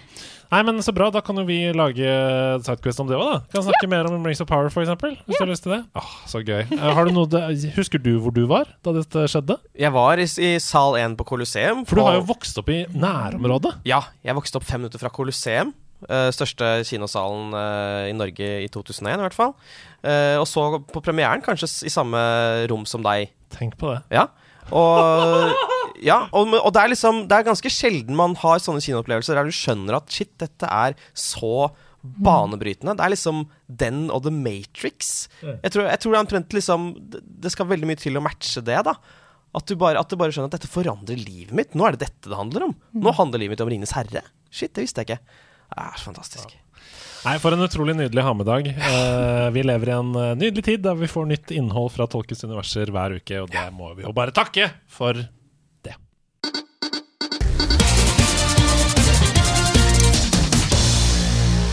Origami Kazai! Mitt navn er Andreas Hedman, og dette her, det er Nerdenytt. Siden vi har med oss en eh, doktor eh, snart, så eh, Jeg har fått streng beskjed om å si snart. eh, så kan vi jo diskutere disse nyhetene, istedenfor at det blir en sånn bulleteng-situasjon. Eh, finansminister Trygve Slagsvold Vedum han la denne uka fram det nasjonale budsjettet for 2023. Det er denne regjeringens første budsjett. Uh, Pga. den økonomiske situasjonen i Norge og i verden så hadde jo budsjettet strammet inn på en rekke områder. Men ikke på film og dataspill. Eh, budsjettet økte med 20 millioner kroner der 5 millioner kroner er, eh, går utelukkende til dataspill i denne budsjettøkningen. Den økningen den skal bl.a. brukes til tilskudd til utvikling av eh, spill, helt fram til ferdigstillelse, men også til formidling av dataspill, som f.eks. datatreff og andre typer arrangementer. Det skriver pressfire.no. Hva tenker dere? Er det, for det første, er det nok penger? Er det riktig bruk av pengene? Hva tenker dere? Hvor mye penger eh, er det totalt at de får, da? Eh, 59 millioner. Jeg, jeg aner ikke jo hvor mye det er i denne konteksten. Nei, Men, altså eh, Jeg, altså, jeg syns jo det er kjempepositivt, og, og at det er penger til sånne ting rundt og for uh, unge at Altså lage LAN og jeg vet da pokker Mm, hva mm. man skal gjøre med det. Mm. Eh, Så Det er kjempepositivt, men sånn når det kommer til spillutvikling, så er det jo forsvinnende lite. Ja, Sverige er jo fortsatt uh, oppe i eh, ja, ti, ti, Ja. um, på bevilgningene. Ja. Så, men det handler jo også om at inntekten er desto uh, tilsvarende, da. Ja. Men de øker bevilgningen altså fra rundt 54 millioner kroner da, til 59 i 2023. Eh, kulturminister Anette Trettebergstuen hun sier dataspill er en viktig sosial og kulturell arena som trenger et løft. Mm. Eh, det er vanskelig å være uenig i. Ja, det er godt sagt. Du har jo vært tett på mange mennesker som enten jobber med spill. Um, hvordan er situasjonen i spillbransjen? Hva sier de? Hva tenker de? Trenger de mer? Trenger de hva? Å, eh, I'm not that kind of doctor. Nei, nei, nei, nei men du har, ikke, har du venner som jobber i spillbørsen, f.eks.? Ja, men altså Jeg, jeg vil jo tro at eh, Altså, man er jo fornøyd med at det ikke går ned. Mm. Eh, og så blir det litt sånn som eh, det, Akkurat sånn som i læreryrket, jeg er utdanna lærer i bunn, Mm. eh, at man blir glad for de brødsmulene man får. Mm, yeah. Eh, men eh, det er jo som du sier, hvis man skal utvikle et spill, så eh, forsvinner jo de pengene ganske fort. Mm. Eh, kjempefint at de presiserer at det skal være noe eh, spesifikt for eh, formidling. Mm. Mm. Det er jo kult, men det går jo kanskje på bekostning av utviklinga, hvis det Ja. skal skeive seg der. Så eh, nå, altså når jeg blir president i Norge, så eh, skal alle pengene gå til Alle pengene går til spill! Men hva med alt det andre? Hva med infrastruktur? Nei. Nei. Ah. Vi skal til utenriks. Apropos statsbudsjetter og investeringer i dataspill. Voff a meg! Det statlige fondet Saudi Arabias Public Investment Fund, som ikke er så ulikt det norske oljefondet, investerer nå tungt i gaming, ifølge nyhetsbyrået Reuters. I tillegg til å nylig ha kjøpt mer enn 5 av aksjene i Nintendo, 5% av aksjene i Activision Blizzard og e-sportsarrangørene ESL og Faceit i sin helhet, varsler kronprins Mohammed bin Salman at der Norge bruker 59 millioner kroner på dataspill, der skal Saudi-Arabia bruke 408 milliarder kroner for at landet skal bli en global hub for spill og e-sport. Vil det her si at jeg og Saudi-Arabias ministre er liksom likestilt i våre, disse scenarioene? Prioriteringsmessig, ja. Mm. tenk på det. 59 millioner versus 408 milliarder. Ja, ja. Altså én milliard det er 1000 millioner, folkens. Riktig. Dere skjønner hvor mange ganger, hvor mange prosent høyere det tallet er? Ok. Planen er da å bruke rundt 200 milliarder kroner på å kjøpe seg inn i flere utviklere. Og rundt 140 milliarder på å kjøpe en ledende spillutgiver, sier de. Så for eksempel uh, EA, da. Uh, for eksempel. Uh, et mål skal være å sette opp 250 spillutviklerselskaper i landet. som skal gi 39 000 arbeidsplasser. Dette skal gi Saudi-Arabia årlige inntekter på 140 milliarder kroner innen 2030. Det er det de planlegger. Og dette her er veldig vanskelig. For det første, dette er jo sinnssyke summer. Eh, og vi snakker mye om sportsvasking om dagen, uh, knyttet til Qatar-VM. dette er jo spillvasking, er det ikke det? da? Hvor kommer disse pengene fra? Nei, Det kommer jo utelukkende fra olje. Det er det eneste inntektene eh, de har. Ja, Og slaveri, da. Altså menneskerettighetsbrudd. Eh, altså, de tjener jo veldig mye penger på at andre mennesker lider. Ja, det er sant. Det er Mm. sant. Eh, nei, jeg syns jo egentlig alt uh, som finansieres av det, altså, at det er negativt. Eh, Jeg er jo veldig redd for å si noe stygt om Mohammed bin Salman. Jeg vil ikke bli halshogget. Eh, Nei, uff, vi ler av det, men det er jo sant. Ja, det er jo altså, sant. Kritikere av regimet blir jo tatt ut på ukentlig basis. Ja. Så det er, jo, det er jo forferdelig å si, selvfølgelig, men det er virkeligheten. Ja, og så er det jo veldig sånn ekkelt, liksom, som vi har snakket om i Kina i et par år nå, som de tar over flere og flere selskaper, i hvert fall kjøper seg inn uh, på, med, med aksjer, og hvordan de da kan være med å påvirke hva spillene kan handle om, og hva slags politisk standpunkt man kan ha med, osv. Det, er en- det er en uting. Jeg driter i om det er 39 000 arbeidsplasser. Det Ja, få det vekk. Men kan dere noen spill som er utvikla i Saudi-Arabia? På ingen som helst måte. Nei, nei, nei, nei. Ingen. Uh, så det er kanskje derfor de skal satse på dette, sånn at det blir flere i framtiden. Uh, Sandrim istedenfor Skyrim, f.eks. Det er en veldig dårlig vits. Um, men vi, det, jeg syns dette er vanskelig fordi uh, det er, jeg synes det er skremmende at en aktør da, sånn som disse bare kan knipse med fingrene og plutselig eie store deler av det som vi er glad i. Og Du snakker om Kina og Tencent, f.eks. Vi har sett det der også. Uh, men vi vil jo at folk skal satse på spill. Vi vil jo at folk skal satse på dette mediet. Har, har vi noe rett til å si sånn Men ikke de. Det er feil folk som satser. Ja. Ja. Ja, det, ja, det har vi i aller høyeste grad. Mm. Uh, jeg syns altså alle spill finansiert av autoritære regimer uh, at det er en uting. Uansett. Da vil jeg heller at vi skal være et par år bakover i utviklingen, enn at vi skal bli hjulpet fram av de pengene. Støttes. Bra! Torsdag kveld så viste Nintendo fram den første traileren til The Super Mario Bros. Movie. Ja! Og Ragnhild ler. Det er, ikke, det er ikke en kinobillett som skal henges på veggen ved siden av Loter. Nei, altså om 20 år når jeg kommer tilbake hit, så eh, blir det ikke den, ass. I traileren så får vi både se og høre mange figurer, bl.a. Mario, Bowser og Toad. Uh, har dere sett traileren? Ja. Hva syns dere? Eh, eh, den ser jo overraskende kul ut, da. Mm. Jeg var litt eh, sjokka, egentlig, for det eneste jeg hadde fått med meg, var at Mario sin rumpe visstnok har forsvunnet. Ja, ja har det. Eh, Så det var det eneste jeg klarte å tenke på når jeg så den. Men eh, alt det andre så jo egentlig veldig Ja, jeg, jeg gleder meg litt. Og det er litt weird. Ja, altså det, det er en veldig sånn kul eh, De første minuttene liksom når du ser Bowser ankomme i et sånn svært brennende slott, og han, hvordan han blåser flammer. Han ser faktisk farlig ut, liksom. Han har jo alltid vært en litt sånn komisk antagonist i disse spillene. Her var han sånn badass, og det syns jeg var kult. Selvfølgelig da helt til eh, Mario åpner munnen. Ja, Syns du det er forferdelig? Er du Å, Oi! OK!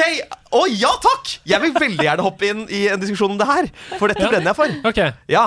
Nei, dette syns jeg Dette er håpløst. Oi! Ja, dette er håpløst. Og det er jo en grunn til at Twitter eh, eksploderer. Fordi her har du jo Altså, vi har jo visst om at Chris Pratt skulle ha stemmen eh, en stund nå, siden i våres, tror jeg. Man visste Ja, om det. ja, ja. Og det ble en del snakk om det. Eh, men så sa folk sånn Ja, ja, men slapp av, han kommer til å gjøre det til sitt eget. Han kommer til å liksom prøve å ta med litt av det som har gjort Mario-stemmen så ikonisk. Uh, ikke nødvendigvis liksom ha sånn Italian accent, hello, men at han liksom prøver å, å, å leke seg litt med det. Og så får vi høre det, og så er det sånn Hey guys, I'm Mario. Ah, this is a crazy time we're living in, right? I'm gonna go jump some mushrooms. Det er Ti av ti Chris Pratt. Det er null! Det Han har ikke gitt noen ting ekstra! Det er bare Chris Pratt sin stemme. Og det, det, det, det går ikke. Det går ikke. Altså, det er helt håpløst. Og bare for å øh, øh, det som, Ok, bare for å vise dere hvor håpløst dette er. Først må dere gå inn og høre på øh, hvordan Chris Pratt øh, tolker denne rollen. Og så kan dere få høre hvordan de har gjort det i Frankrike. Hvordan dubben er der.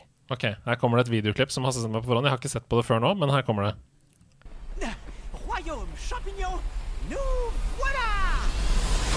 Sånn skal det gjøres! Sånn Ja. dubber Mario! Ja, jeg skjønte det litt òg. Sjampinjong. Ja! og Sjampinjong, det er sopp! ja. Sånn skal du gjøre det! ja. Jeg blir, jeg blir ordentlig provosert, jeg. Greier du å bli provosert av dette? Ragnhild? Nei, egentlig ikke. Jeg, jeg var gjennom det her med prikk, prikk, prikk fra Final Fantasy 7 til uh, remaken, Mm, mm. så jeg, I'm over it. Ja. Det er greit. Nei, men jeg skjønner hvor du kommer fra, og når du sier det, så er jeg jo enig. Men jeg, jeg var jo veldig redd for at det skulle være en sånn 'Jeg skal tulle med den italienske aksenten'. Det- Absolutt. Det, det var jeg veldig redd for, så jeg var glad for at det ikke var det. Ja, Um, jeg ville bare at han skulle på en måte tørre å gå litt ut av komfortsonen og ha et Ja. Fordi Mario har et spretten, en spretten måte å snakke på. Helt riktig. Og det er iboende i hans karakter. Og du skal jo bli glad av å høre det. Ja. Du, sånn som du blir av den franske dubben. Du blir jo glad av å høre Mario snakke der. Ja. Og Chris Pratt, kjempeskuespiller. Jeg digger han i Lego-filmen. Fantastisk. Der passer det. Ikke til Mario. Vi må til været, vi. Det er mye spill hver i horisonten, eh, og denne uka så måtte jeg velge ut fem av tolv aktuelle spill å snakke om, så det ble bare fem. Eh, gå inn på gamer.no sin spillkalender. Skriv det. Gamer.no spillutgivelser kalender, så får dere se alt som kommer ut. Det anbefaler jeg på det varmeste! Gå inn der og liksom se på spill som ser interessante ut for dere, for da kommer dere til å utvide deres egen spillhorisont. Men først ut er Asterigos, Curse of the Stars. Eh, hadde aldri hørt om spillet før jeg fant ut at det kommer i dag den til 11. oktober til PlayStation, til Xbox og til PC. Og det ser ut som en superpen animert blanding av Kena, Bridge of Spirits og Immortals Phoenix Rising. To perlespill i min bok. Eh, så hvis du liker action-adventure-spill med skill tree, sånn som God of War, altså du investerer poeng og blir sterkere, får kulere våpen og sånn, uh, og, eller de nevnte spillene, som jeg nevnte, Immortals eller Kena, så er det krem. Uh, noe for dere? Kanskje? Ikke spilt noen av de to spillene. Ikke noe for deg. Torsdag 13. oktober så får vi et nytt spill i den superpopulære VRC-serien. VRC, altså rallyspillene, som vi spilte på PlayStation både 2 og 3 og 1 da vi var små. Uh, VRC Generations heter det. Det kommer til alle konsoller og PC. Det ser ut som det kan bli et av de beste i serien. Jeg satt og så 40 minutter gameplay med fullt oppsett med ratt og sånn og videre, og grafikken er langt bedre enn det forrige spillet i VRC 10. Uh, og de som er veldig kjennere av VRC-serien, som skrev i kommentarfeltet på YouTube, de sa sånn ah, 'Det er så bra at jeg fiksa det', og bla, bla. Så jeg tror liksom VRC-fans har noe å glede seg til her. Men hvis du liker deg bedre på Jordal Amfi enn på Intility, så må du ta fri fra jobben førstkommende fredag 14. oktober, for da kommer NHL 23. Oi! Ja, ja, ja. ja. Hockeyspillet NHL eh, til PlayStation og Xbox. Hadde dere venner som spilte hockeyspill i oppveksten? F.eks. Wayne Gretzkys hockey på Nintendo 64? Jeg håper dere ser at jeg er et spørsmålstegn nå. Alt som har med biler og sportsspill og alt sånt, det er bare ne, Hva har du spilt i det siste, Hasse? Du, den sitter fortsatt! Den sitter fortsatt. Litt seint. Ja, ja, litt seint. Litt seint. Ja, det er veldig bra. Uh, NHL, noe forhold til det? Eller Eh, noen Bare at andre min, min amerikanske fetter spiller eh, alle sånne eh, spill. Altså fotball, eh, hockey og baseball og sånn. Eh, Men uh, jeg kommer jo ikke til å spille det. Nei da, ikke jeg heller. Fans av spillene de skriver at AI-messig så virker det som en stor og etterlengtet oppdatering. At eh, spesielt keeperne i spillet oppfører seg langt bedre da. Samme dag, fredag 14. oktober, så kommer det et ekstremt nasty, mørkt horror-eventyrspill som kommer på day one til Xbox GamePass og PC, og det heter Scorn. Oi, Høres nasty ut. Scorn det er et førstepersonsspill der hvor du i et sånn mørkt mareritt må pøsle deg ut av en labyrint med blod og muskler og gørr og veldig mørke omgivelser. Uh, jeg så en sånn puzzle som var sånn han, Du så ned, og så tok du hånda inn i magen din og dro ut noen liksom tarmer og sånn, og bare eh, skulle liksom legge det på et sted. Så det har jeg satt i nedlasting på Xbox. Det Du er der, ja. Ok. Lykke til. Det så så komplett gjennomført nasty ut at jeg tror liksom du kan ha mareritt i dagevis av å spille det. Uh, det er en serbisk utvikler, selvfølgelig. Det er jo de som er best på disse groteske, forferdelige uh, universene, de i Øst-Europa. Uh, polske studier har jo også noen av dem på samvittigheten. Men de heter Ebb Software. De har brukt åtte år på å perfeksjonere det grusomme spillet her. Ja. Jeg er glad for at det er du som må ta deg av den. Jeg skal streame det, tenkte jeg. Mhm. Eh, bare fordi jeg er så pysete. Jeg hater horrorspill. Jeg tror det kan bli gøy å se på at jeg sitter sånn her uh, og myser for å prøve uh, komme meg videre. Nei, scoren der altså, eh, inkludert i GamePass Day One. Og til slutt så kommer det heldigvis et superkoselig, vakkert, morsomt eventyrspill til Nintendo Switch og PC Ja. dagen etter at jeg har evige arr etter å ha spilt scoren. Og Det kommer lørdag 15. oktober. Det heter Figment 2, Creed Valley. Eh, det ser rett og slett ut som Links Awakening. Ja, det liker vi. Um, I en eh, litt sånn ny versjon. Hånd i hanske for fans av den type eventyrspill. Tunic, Links Awakening. Eh, du slåss litt med sverd, du løser litt puzzle, koser deg med fargerike omgivelser, nydelig musikk, ler av manuset. Det var veldig gøy. Jeg så I traileren så var det sånn du, den hadde, eh, Hovedpersonen hadde møtt et kor som sto sånn og sang, og så sang de sånn De sang sånn metating om spillet. Sånn Now you will jump up here and down. Det var veldig koselig. Okay. jeg er om bord her. Ja. Ja. Eh, Så sånn er det. Det var nyhetene. det. Kjempebra nyheter. Mm. Hva var det cashprisen var igjen? Origami Kazai. Riktig. Mitt navn er Andreas Hedemann, og dette her, det var Nerdenytt. Anmeldelse i nerdelandslaget. Oh yes! Vi skal høre anmeldelse med fra Sebastian Brynestad, som har lekt seg i Return to Monkey Island de siste ukene. Eh, har dere spilt det nå? Return to Monkey Island? Jeg har ikke spilt det, men mannen min har begynt å spille det. Så jeg har Ja. fått litt sånn siderapporter på hvordan det er. Mm. Jeg skal spille om to uker. Ja, om to uker, for da er du ferdig med Overwatch-rank. Ja, Riktig. Eh, har, eh, du, har dere noe forhold til liksom, de andre spillene i serien? De tidligere Monkey Island-spillene? Ja, ett av dem, men jeg husker aldri hva det heter. Det er Kanskje en av de The Curse of Monkey Island. Det er den mest kjente. Ja. Mm. Husker du noe fra det, så kan jeg si hvilket.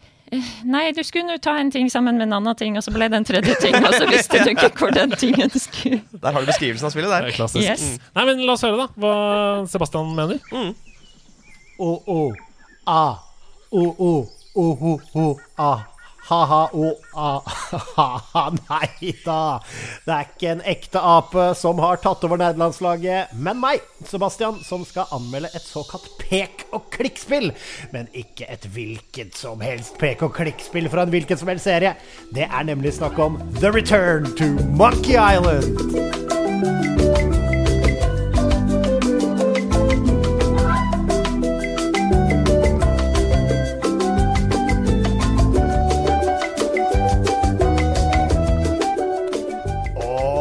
Ja da. Selveste Guybrush Threepwood er tilbake i nok et point and click adventure. Og her er det Terrible Toybox som har svingt utviklerpenslene, og spillet er utgitt av Devolver Digital. Dette er altså det første spillet siden Monkey Island 2, LeChucks Revenge, hvor Ron Gilbert, selveste serieskaperen, er med på laget. Så da skulle jo alt ligge til rette for å gjøre dette spillet det sjette i rekken til nok en komisk, absurd, bramseilsplittende opplevelse. Is it you I should talk to about financing an expedition? An expedition. Who is it that you think you are exactly? I'm Guybrush Threepwood. Probably you've heard of me. Probably not. Permission to slaughter the annoying old wastrel man, Captain Madison. I'm going to find the secret of Monkey Island. You're wasting our time. The secret? I didn't think that was even a real thing. Men hvor er det man spiller dette spillet da, Sebastian, spør dere. Vel, dette spillet er utgitt til PC, Mac og Nintendo Switch. Jeg valgte sistnevnte, og la meg bare si at dette er et perfekt spill for Switchen. Det kan nytes i såkalte bite sizes som du ønsker, og med sin distinkte artstyle er det heller ikke så voldsomt krevende å levere god kvalitet for den lille Switchen. Eller den blytunge Switchen, da, som vår egen Hedemann ville sagt. Spillet kjører krem både i håndholdt og dokt, og har null problem å navigere med Switchen selv, eller med Pro-controller. Så litt om historien. Jeg ønsker som vanlig å spoile minst mulig, men det hele handler om Guybrush, som nok en gang skal vende tilbake til Monkey Island, for å kanskje denne gangen faktisk finne ut hva selve The Secret of Monkey Island er. Men en viss zombiepirat vi kjenner godt, LeChuck, er også i gang med å samle sitt crew for å gjøre nøyaktig det samme.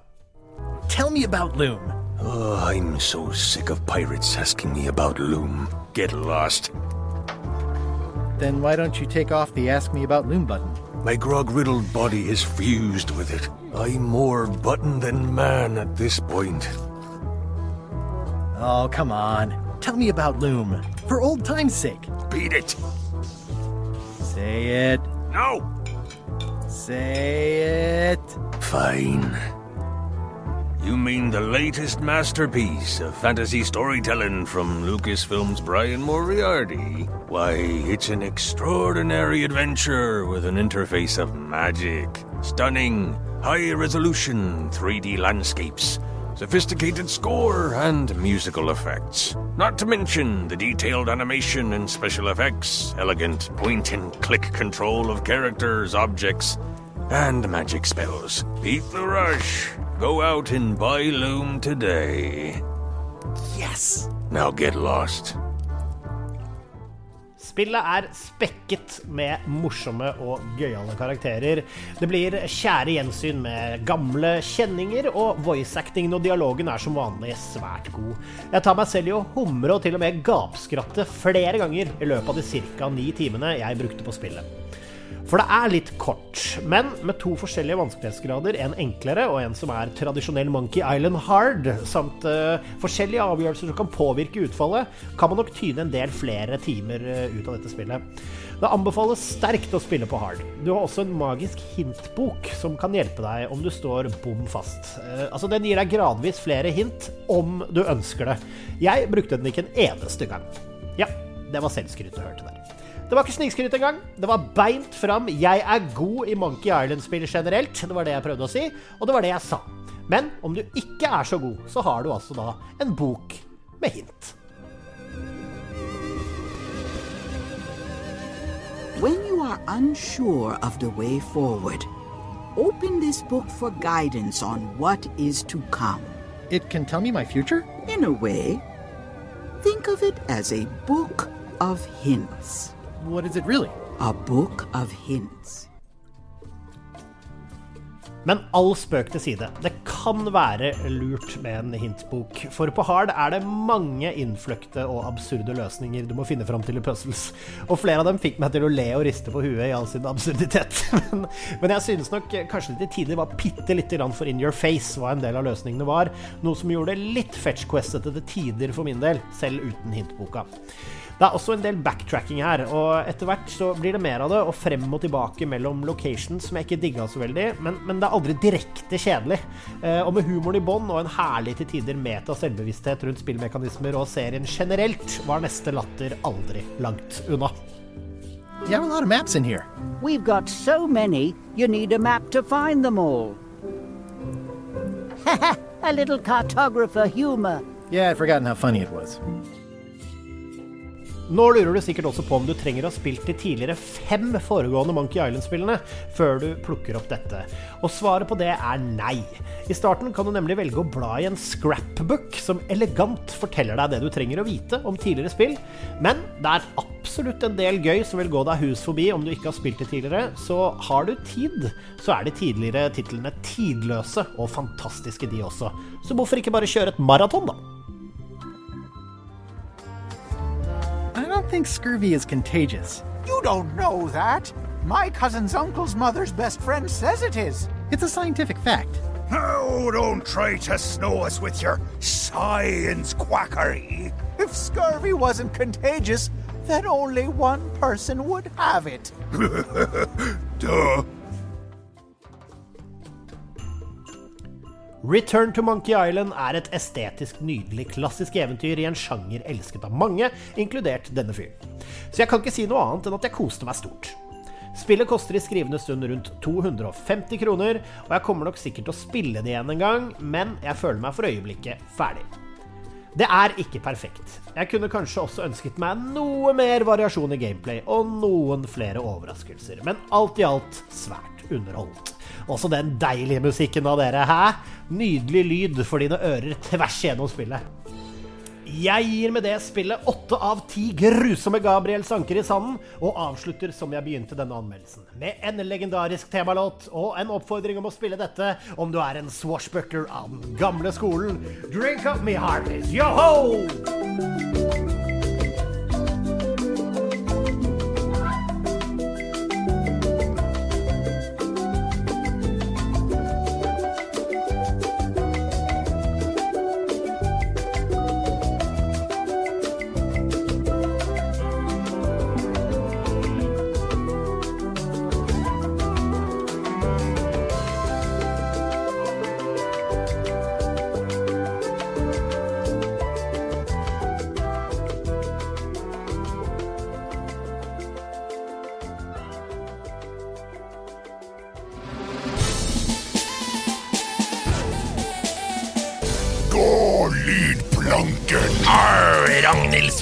Du sier at musikk i spill er kanskje det viktigste for deg, men klarer du å gjenkjenne disse spillene på musikken du skal høre? Gå ut på lydplanken, din lille krabat. Hva med deg, pirat? Ja, hva, Hvorfor ser du så rart på meg, sjef? Fordi du må stelle deg på din egen lydplanke, vel? Ok, jeg gjør det, sjef. Dette er et rart hørespill, men det er også en spalte som heter Gå lydplanken.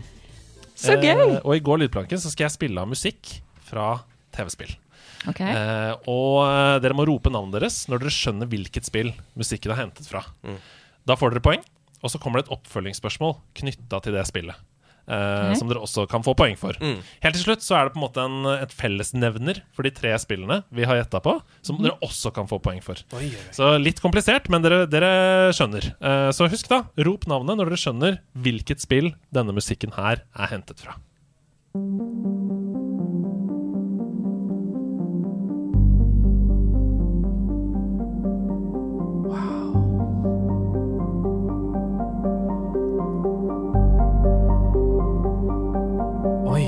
Dette er fint.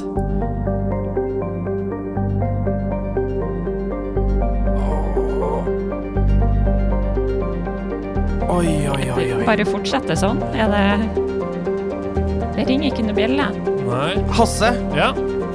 Outer Wilds. Det er ikke riktig, Nei. men vi er i verdensrommet. Å! Eh, Ragnhild. Eh, eh, TFL. Nei, det er det ikke, men det er veldig bra tippa. For Det det er jo i samme landskap. Ja, veldig bra tippa. Det er ikke riktig. FTL, hva? Ja, FT. Faster than lights. Hasse. No Man's Sky. No! Hæ? Nei! Nei! Nei, eh, det blir ingen poeng på dere her. Kødder du, eller? Vi skal til Mass Effect 3.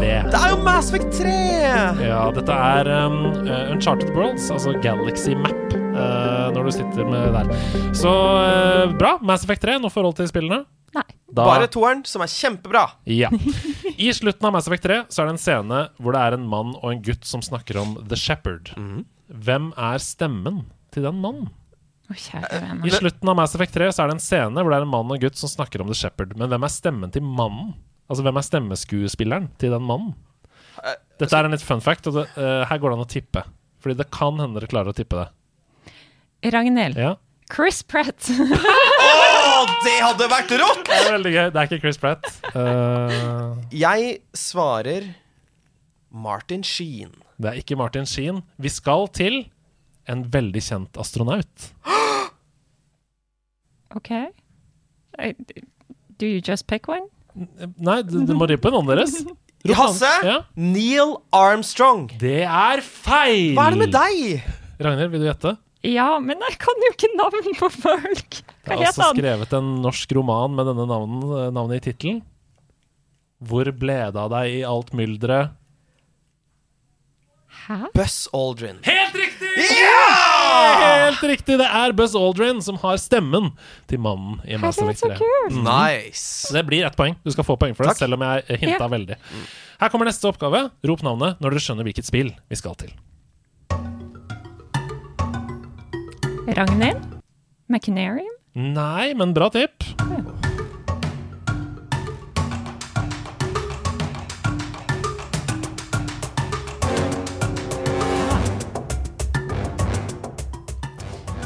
Sannsynligvis ikke den musikken man tenker på når man hører tittelen på dette spillet, men det er en spesifikk ting i spillet. Når dette skjer, da kommer denne musikken.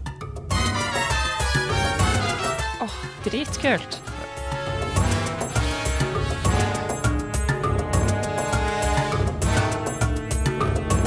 Hasse. Crash Bandicoot, It's About Time. Ah, det er bra tippa. Jeg liker at du tok hele tittelen nå. Det er ikke riktig. Oi.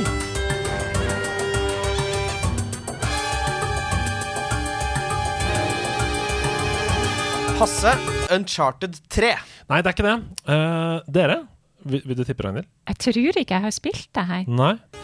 Dette er musikken når du fighter mot Hinox i Breath of the Wild. Selvfølgelig er det det. Når du kommer over en Hinox-battle, så kommer musikken Men ofte så eh, avsluttes jo den musikken tidligere fordi du greier å drepe dem, så du rekker ikke å finne det Du rekker ikke å høre det. Eh, Men det er eh, Hinox fra Breath of the Wild, Zelda-spillet. Dette er jo en av de spillene som jeg har så vidt begynt på nå. Mm. Så jeg har ikke kommet så langt. Men da kan det hende du har møtt på det vi skal til nå, som er Guardians i Breath of the Wild. Uh, og Guardians i Breath of the Wild kan være litt overveldende. De tåler tilsynelatende veldig mye. uh, men de kan bli tatt ned, altså disse ancient robotene som står ute på marken der, Mm. de kan bli tatt ned på én simpel, men på ingen måte enkel måte. Hvordan kan man liksom ta ned en Guardian bare sånn? Hvordan kan man det? Har du spilt det? Ja, eh, men denne snarveien til å drepe Guardians Ja. Mm. Uh, Du må snu Hasse, du må snu ryggen til dem. Og prompe. ja, ja. Nei, du må ikke det. Nei. Nei, Dere ser ut som to store Eh, spørsmålstegn på Hyrule Field. Uh, og det er altså ved å skyte en ancient arrow i øyet på den. Eh, og så vil vel sikkert noen si at et svar også kan være Jeg så det var noen som nevnte det i, i uh, chatten her. Perfekt skjoldblokk. For du parry jo med skjoldet ditt, og da skyter den laseren tilbake i øyet. Men svaret vi skulle fram til her, var å skyte ancient arrow rett i øyet på den. Da dør den sånn. På ett skudd. Ok, vi skal til den siste oppgaven. Det er 1-0.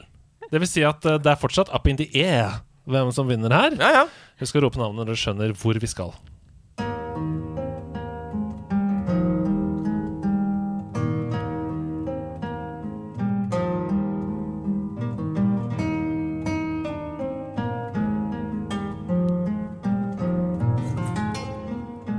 Hasse, Brothers, A Tale of Two Sons. Nei, men det er på en måte litt samme type univers. Altså, vi skal Vi skal nord.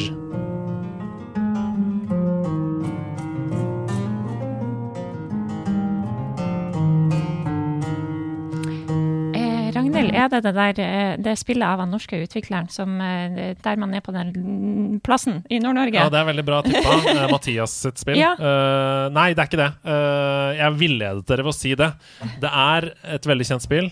Uh, veldig stort spill. Må komme på 70 000 plattformer. Men det er liksom så happy. Jeg tenkte kanskje det kunne være noe gitarriffe i liksom Last of Us. Hasse. Man er inne i en tavern. The. Skyrim. Det er helt riktig! Vi skal til Skyrim! Her er vi altså Dette er låta Out of the Cold, som spilles når du går inn i et sånt inn og liksom snakker med sånn Is there a room for me tonight? Yes. There's a bed over here. Ten gold. No, no, no, no, no.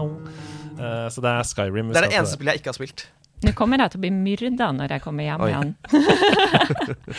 Ok, dere har hatt dette spørsmålet før, skriver Sebtastic, som er han som har lagd disse oppgavene. Tusen takk, Sebtastic. Fantastiske oppgaver som alltid. Eh, dere hadde det som dekunøtt, men som han skriver, repetisjon er en av nøklene til god læring. Mm, mm. Det er Vi er veldig pedagogiske i dag.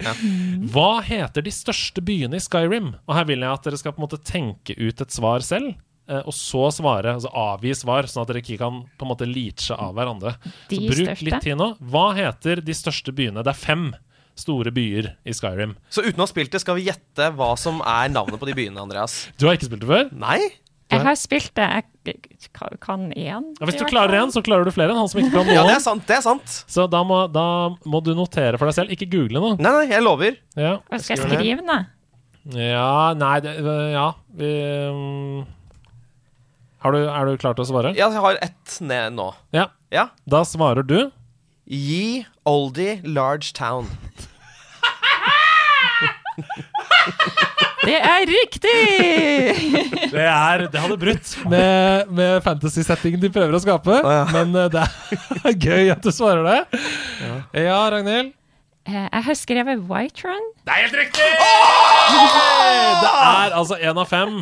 De andre er oh, kjære eh, er resten? Riften, som er tyvebyen oppe i nordøst der. Markarth, som ligger inni inne i fjellveggen. Windhelm og Solitude. Det er det andre ja, ja. veldig koselige navn. Mm. Og nå er det 2-1. Det vil si at du kan utligne, Ragnhild, hvis du klarer tema. Hva er fellesnevneren mellom spillene Skyrim, Breath of the Wild og Mass Effect 3? Og rop høyt nå. Hva er fellesnevneren? Mass Effect, Skyrim, Breath of the Wild. Det er RPG. Det er helt riktig! Tenk at du greide det! Det er så enkelt opp i dagen! Og så tar du det. Hasse, du er eh, en legende i denne konkurransen. Det betyr, Ragnhild, at du må ut og gå lydplanken. Hopp ut i vannet for meg, få se deg gjøre det. Hopp, da! Hopp ut i vannet! Der hoppa Ragnhild ut i vannet. Eh, dette hørespillet, det må vi jobbe med. Ja, vi skal det. Vi må skrive, vi må gi gjestene manus på forhånd Ja. for at det skal bli bra. Ok, eh, selv om du tapte i Gå lydplanken, så kan du brenne ned hele studio i din neste spalte. Well, actually, surely what you're saying is a balderdash of ox's feces, sausage tissue, urine talk. On, on the contrary, no, no, no, no. I'm back to differ! De nerde strides. Helt riktig, de nerde strides. Hva er det du har tatt med deg til oss i dag av en kontroversiell spillmening? Jeg skal svare på det, men jeg må bare si, fordi at nå føler jeg meg litt sånn personlig sånn indignert for at jeg fikk så vanskelige musikkspørsmål. Oi! Eh, så jeg har bare lyst til å si at, eh, at eh, vi gjør det igjen på Final Fantasy-musikk, og så, så ser vi. Ja. Ja, ja, ja. Challenge accepted. Nei, men Det er noe med den stolen man sitter i òg. Fordi Rune Fjell Olsen, for eksempel, veldig anerkjent og respektert spilljournalist, eh, hans favorittspill gjennom tidene er jo Shadow of the Colossus. Mm. Jeg tenkte sånn, ok, jeg spiller av musikken fra Shadow of the Colossus. Han bare Hva er det her? Jeg har hørt det mange ganger. Klarte ikke. Så det er Så Sånn å curse av stolen. Ja. stolen. Akkurat som Paul Pogba, så har han kastet en curse over stolen. Veldig pent. Veldig god referanse. Ok, Nei, det var, det var ærlig fortjent. ja. Ja, ja. Hva skal du brenne studio med i De nede strides?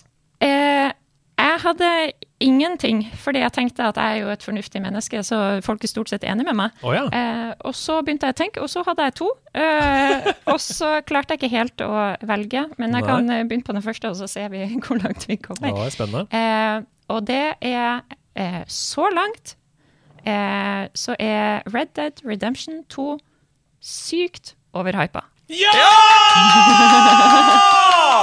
Ja! Ja! Ja! Ja! Ja! ja. Vi er den eneste spillredaksjonen i Norge som er enig med deg. Nei! Jo! Ja, vi er det. Fantastisk! Fortell hvorfor. Jeg har spilt jeg har, jeg har ikke spilt så veldig mye, egentlig, men jeg har Nei. lagt i mange timer likevel. Ja. Og det skjer jo jeg for meg ingenting. Altså, jeg har sprunget rundt på en hest som er altfor treg, tydeligvis. Ja. Eh, og så har jeg rana noe, og så har jeg gjort noe annet, og så er det en dame som vil snakke med meg, men jeg får jo ikke unna, og så går jeg tregt i basen, og så Alt er bare så sykt tregt, og det ser jo lekkert ut, og musikken er fin, og jeg vet at det skjer ting som liksom gjør at jeg har lyst til å komme meg litt videre. Men det er så tregt. Det tar så lang tid. Jeg har sikkert ligget 15 timer på ingenting. Og det har jeg aktivt gått inn for å spille main story. Men den sier meg jo ingenting. Og så er det veldig lett også, main storyen. Altså, det, Ja, er jo ja, ja, ikke, ja. det er jo ikke noe utfordrende. Uh, en ting hadde vært om det var treigt uh, og fortsatt var liksom vanskelig, Mm. sånn at du måtte jobbe deg gjennom det. Men det er jo nesten til tider som å spille What Remains of Edith Finch. Altså, du bare trykker på X for å komme videre, på en måte. Mm. Det er, uh, men når det er sagt, vi har snakket mye om dette i nederlandslaget. Okay. Uh, og folk blir lei seg hver gang vi snakker om det. Oh, nei. Eh, fordi det er et spill som er eh, tett til folks hjerter. Ja. Og det forstår jeg veldig godt. Eh, og jeg liker, akkurat som du sier, spillkarakterene, manuset er veldig bra. Det er bare Dette er feil kunstform. Mm. Det hadde vært en bedre TV-serie. Mm. Ja, det tror jeg absolutt. Det er ikke nok spill her. Det er så mange ganger jeg holdt inne den greia midt på kontrolleren for å liksom lage sånn cinematic mode, fordi at det føles som det er det jeg gjør i hele spillet uansett, Mm. på en måte. Mm. Eh, Så TV-serie hadde sikkert vært noe. Og en ting er, vi er veldig fan av å ut, uh, uh, altså utvide spill hva spill kan være. da Mm. Så det er ikke det at uh, spill ikke kan være filmatiske opplevelser. Tvert imot, det er vi veldig glad i. Men hvis du skal s- i 100 timer, Ja. det, det er for mye. Å herlighet, er det 100 timer? Ja. Ja, ja, ja, ja, ja.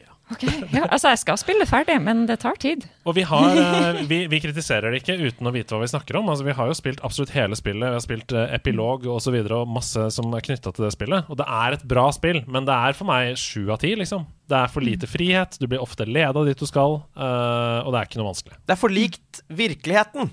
Ja! ja! Det er liksom sånn Jeg skjønner at, ma- at det man tenker at det er en, en måte å gjøre det realistisk på, men jeg vil heller bare at det skal være fin grafikk, og øh, karakterer med dybde, men jeg trenger ikke å bruke to minutter på å flå et dyr. Selv om det er sånn i virkeligheten. Men det er jo ikke sånn i virkeligheten. Det er jo ikke sånn at du bare setter deg ned med kniven, Nei. og så plutselig så er det vrengt. Det er- Nei, egentlig så går det mye tregere i virkeligheten. Men jeg vil det skal gå 100 ganger så fort i et spill, ikke 10 ganger så fort. Nei. Og det er kanskje ikke 100 timer heller, uh, men det er det hvis du skal utforske hver eneste krig og krok av kartet. For det er jo enormt, åpenbart, og main storyen er jo ikke Ja. det. Men det er masse sidehistorier her og masse greier. Men det er absolutt et bra spill, det er verdt å spille. Men eh, ja, pacingen er Det er noe De har noen utfordringer. Jeg er helt enig. Mm. Nei, men så bra, da. Da var vi enige i De nerde strides, da. Beklager, har jeg feila, da? Nei, nei, nei, nei. For du, altså, eh, høreklokkene til veldig mange mennesker der ute brenner jo nå. Så sånn er det. Tusen takk for kontroversiell mening. Hasse, dette er jo en ganske unik spalte der hvor vi skal prøve å gjette oss fram til en spillkarakter. eller sånn. Hvor mange spørsmål er det vi har igjen? Det stemmer. I den helt unike spalten 20 Quest Steps, som på ingen som helst måte minner om 20 spørsmål på NRK, så skal vi komme oss fram til en spillkarakter eller en tittel på et spill ved å kun ha 20 spørsmål til rådighet.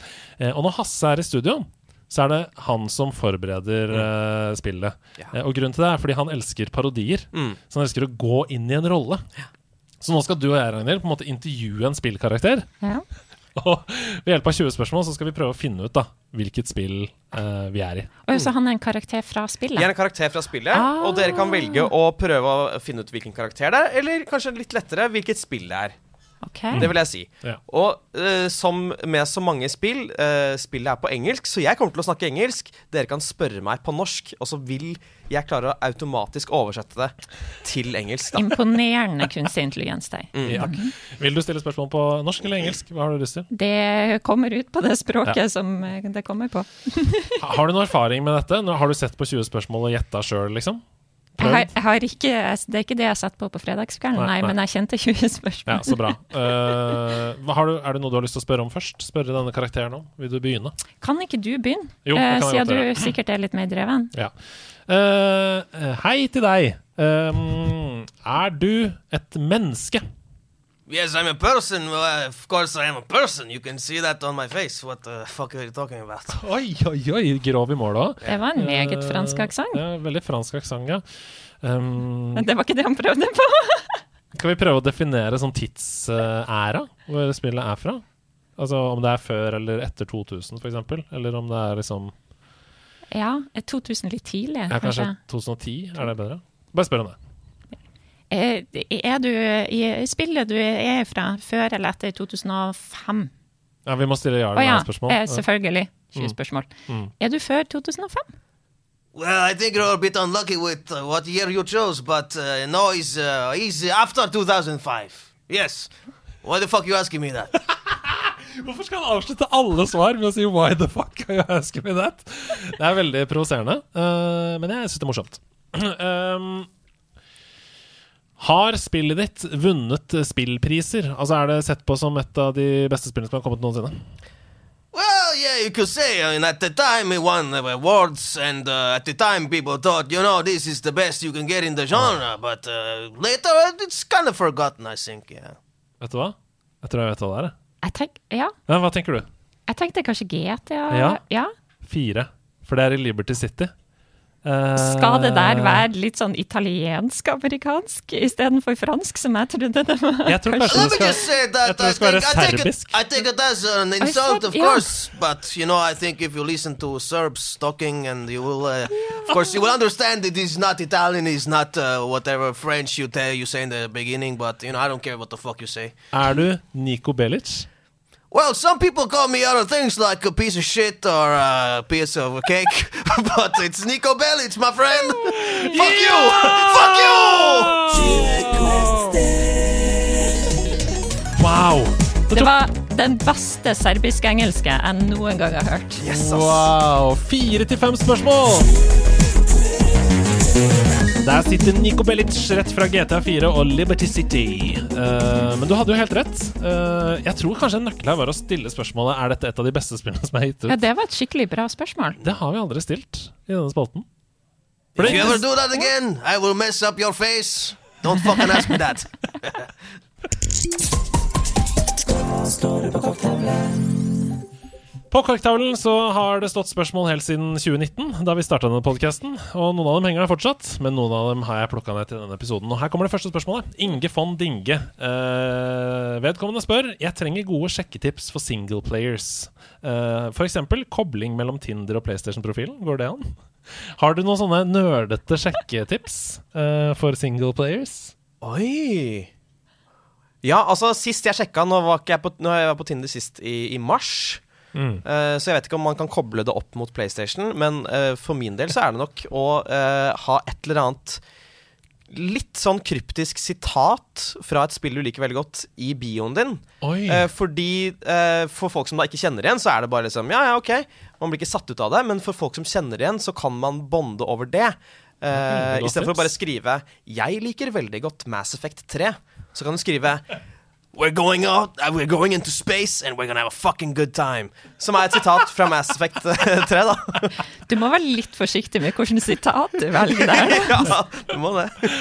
Ja, I hvert fall hvis du ikke putter det i anførselstegn. Så Ja. folk tror sånn OK, han skal ta med meg ut i verdensrommet for å ha good time. Mm -hmm. uh, nei, men det syns jeg var et godt tips. Um, det jeg antar at det er lenge siden du også har vært på datingmarkedet? Jeg, jeg vet ikke hva dette er for noe eh, i det hele tatt, så Nei. nei. Nei, samme her. Eh, men jeg syns det var et veldig godt tips, for det er en sånn der, hemmelig Du planter en sånn hemmelig sånn det skjønner bare du og jeg. Ja. Sånn som at veldig mange som hører på nederlandsk Ikke, ikke veldig mange, men jeg har sett en del har bare en nerde-emoji og et norsk flagg i bioen sin på Instagram. Oh. For å liksom si de som vet, de vet. Mm. Nerdelandslaget, liksom. Mm. Det er gøy. Ja. Uh, Hattekokken, han spør. Veldig bra Nick. Eh, jeg vil høre deres tips til gaming-content på YouTube. Jeg har sett meg lei på World of Warcraft med Swak Wictus, Days med Sour Sweet, Runescape med Settle.Torvesta. Hvordan finner man bra nytt gaming-content? Det fins så mye! Og jeg leter spesielt etter long content med en story eller et langsiktig mål. Hva pleier dere å se på når dere ser på content, altså spill-content på YouTube? Har dere noen go to-ting som dere ser på ofte? Veldig lite, egentlig. Eh, Det, for min del er det stort sett Starcraft-turneringer. Så det, det, jeg vet ikke.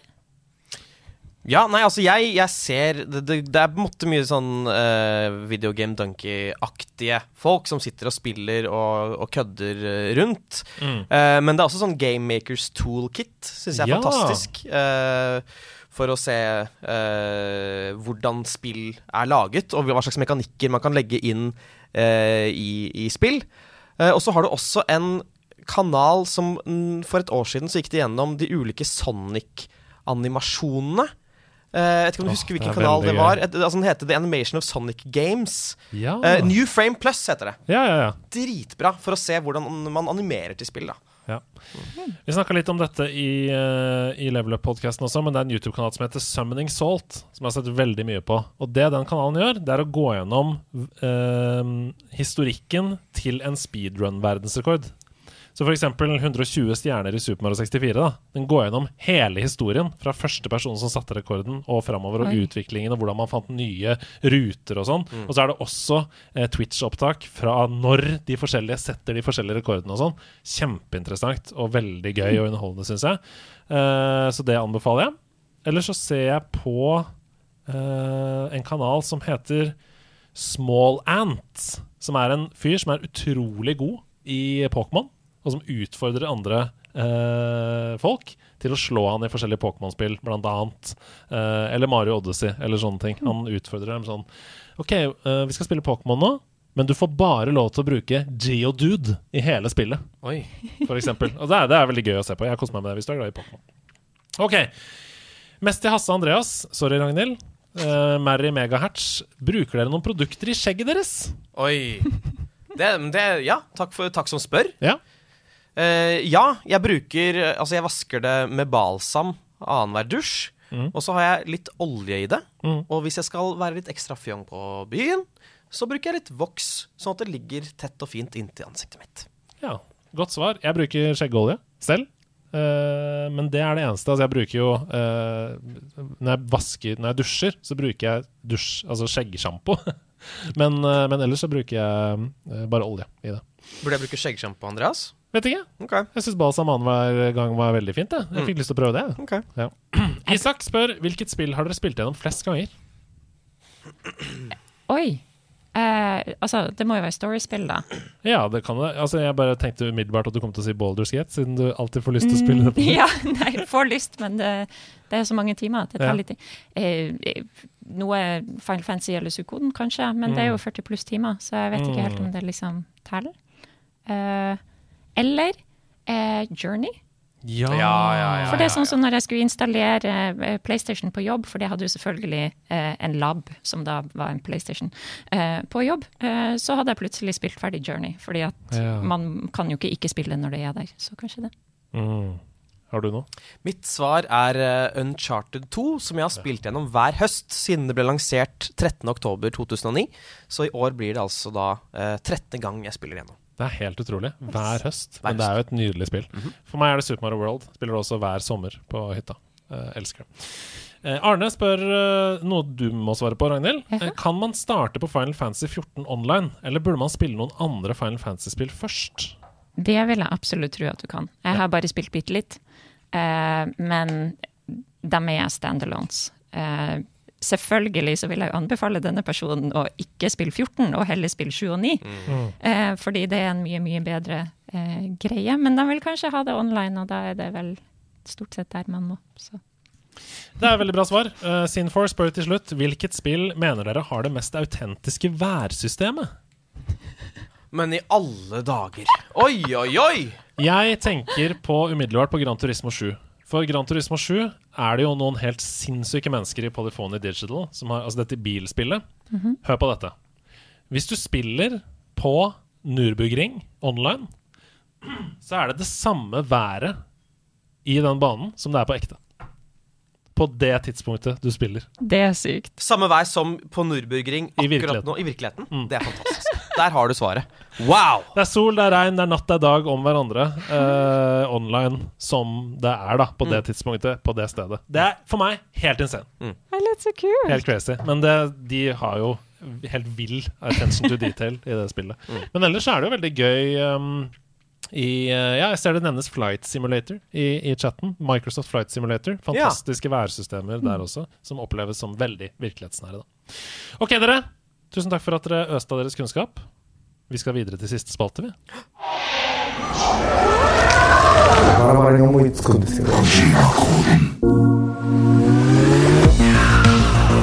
Ja, ja, Hideo Kojima har tatt over Hasse sin kropp. Vi er nede i Tokyos underverden, der laserne peker rundt hodene våre. Hideo Kojima, han har tatt over min body, Hideo Kojima har tatt bolig i min body, Hideo Kojima, han har tatt over min body,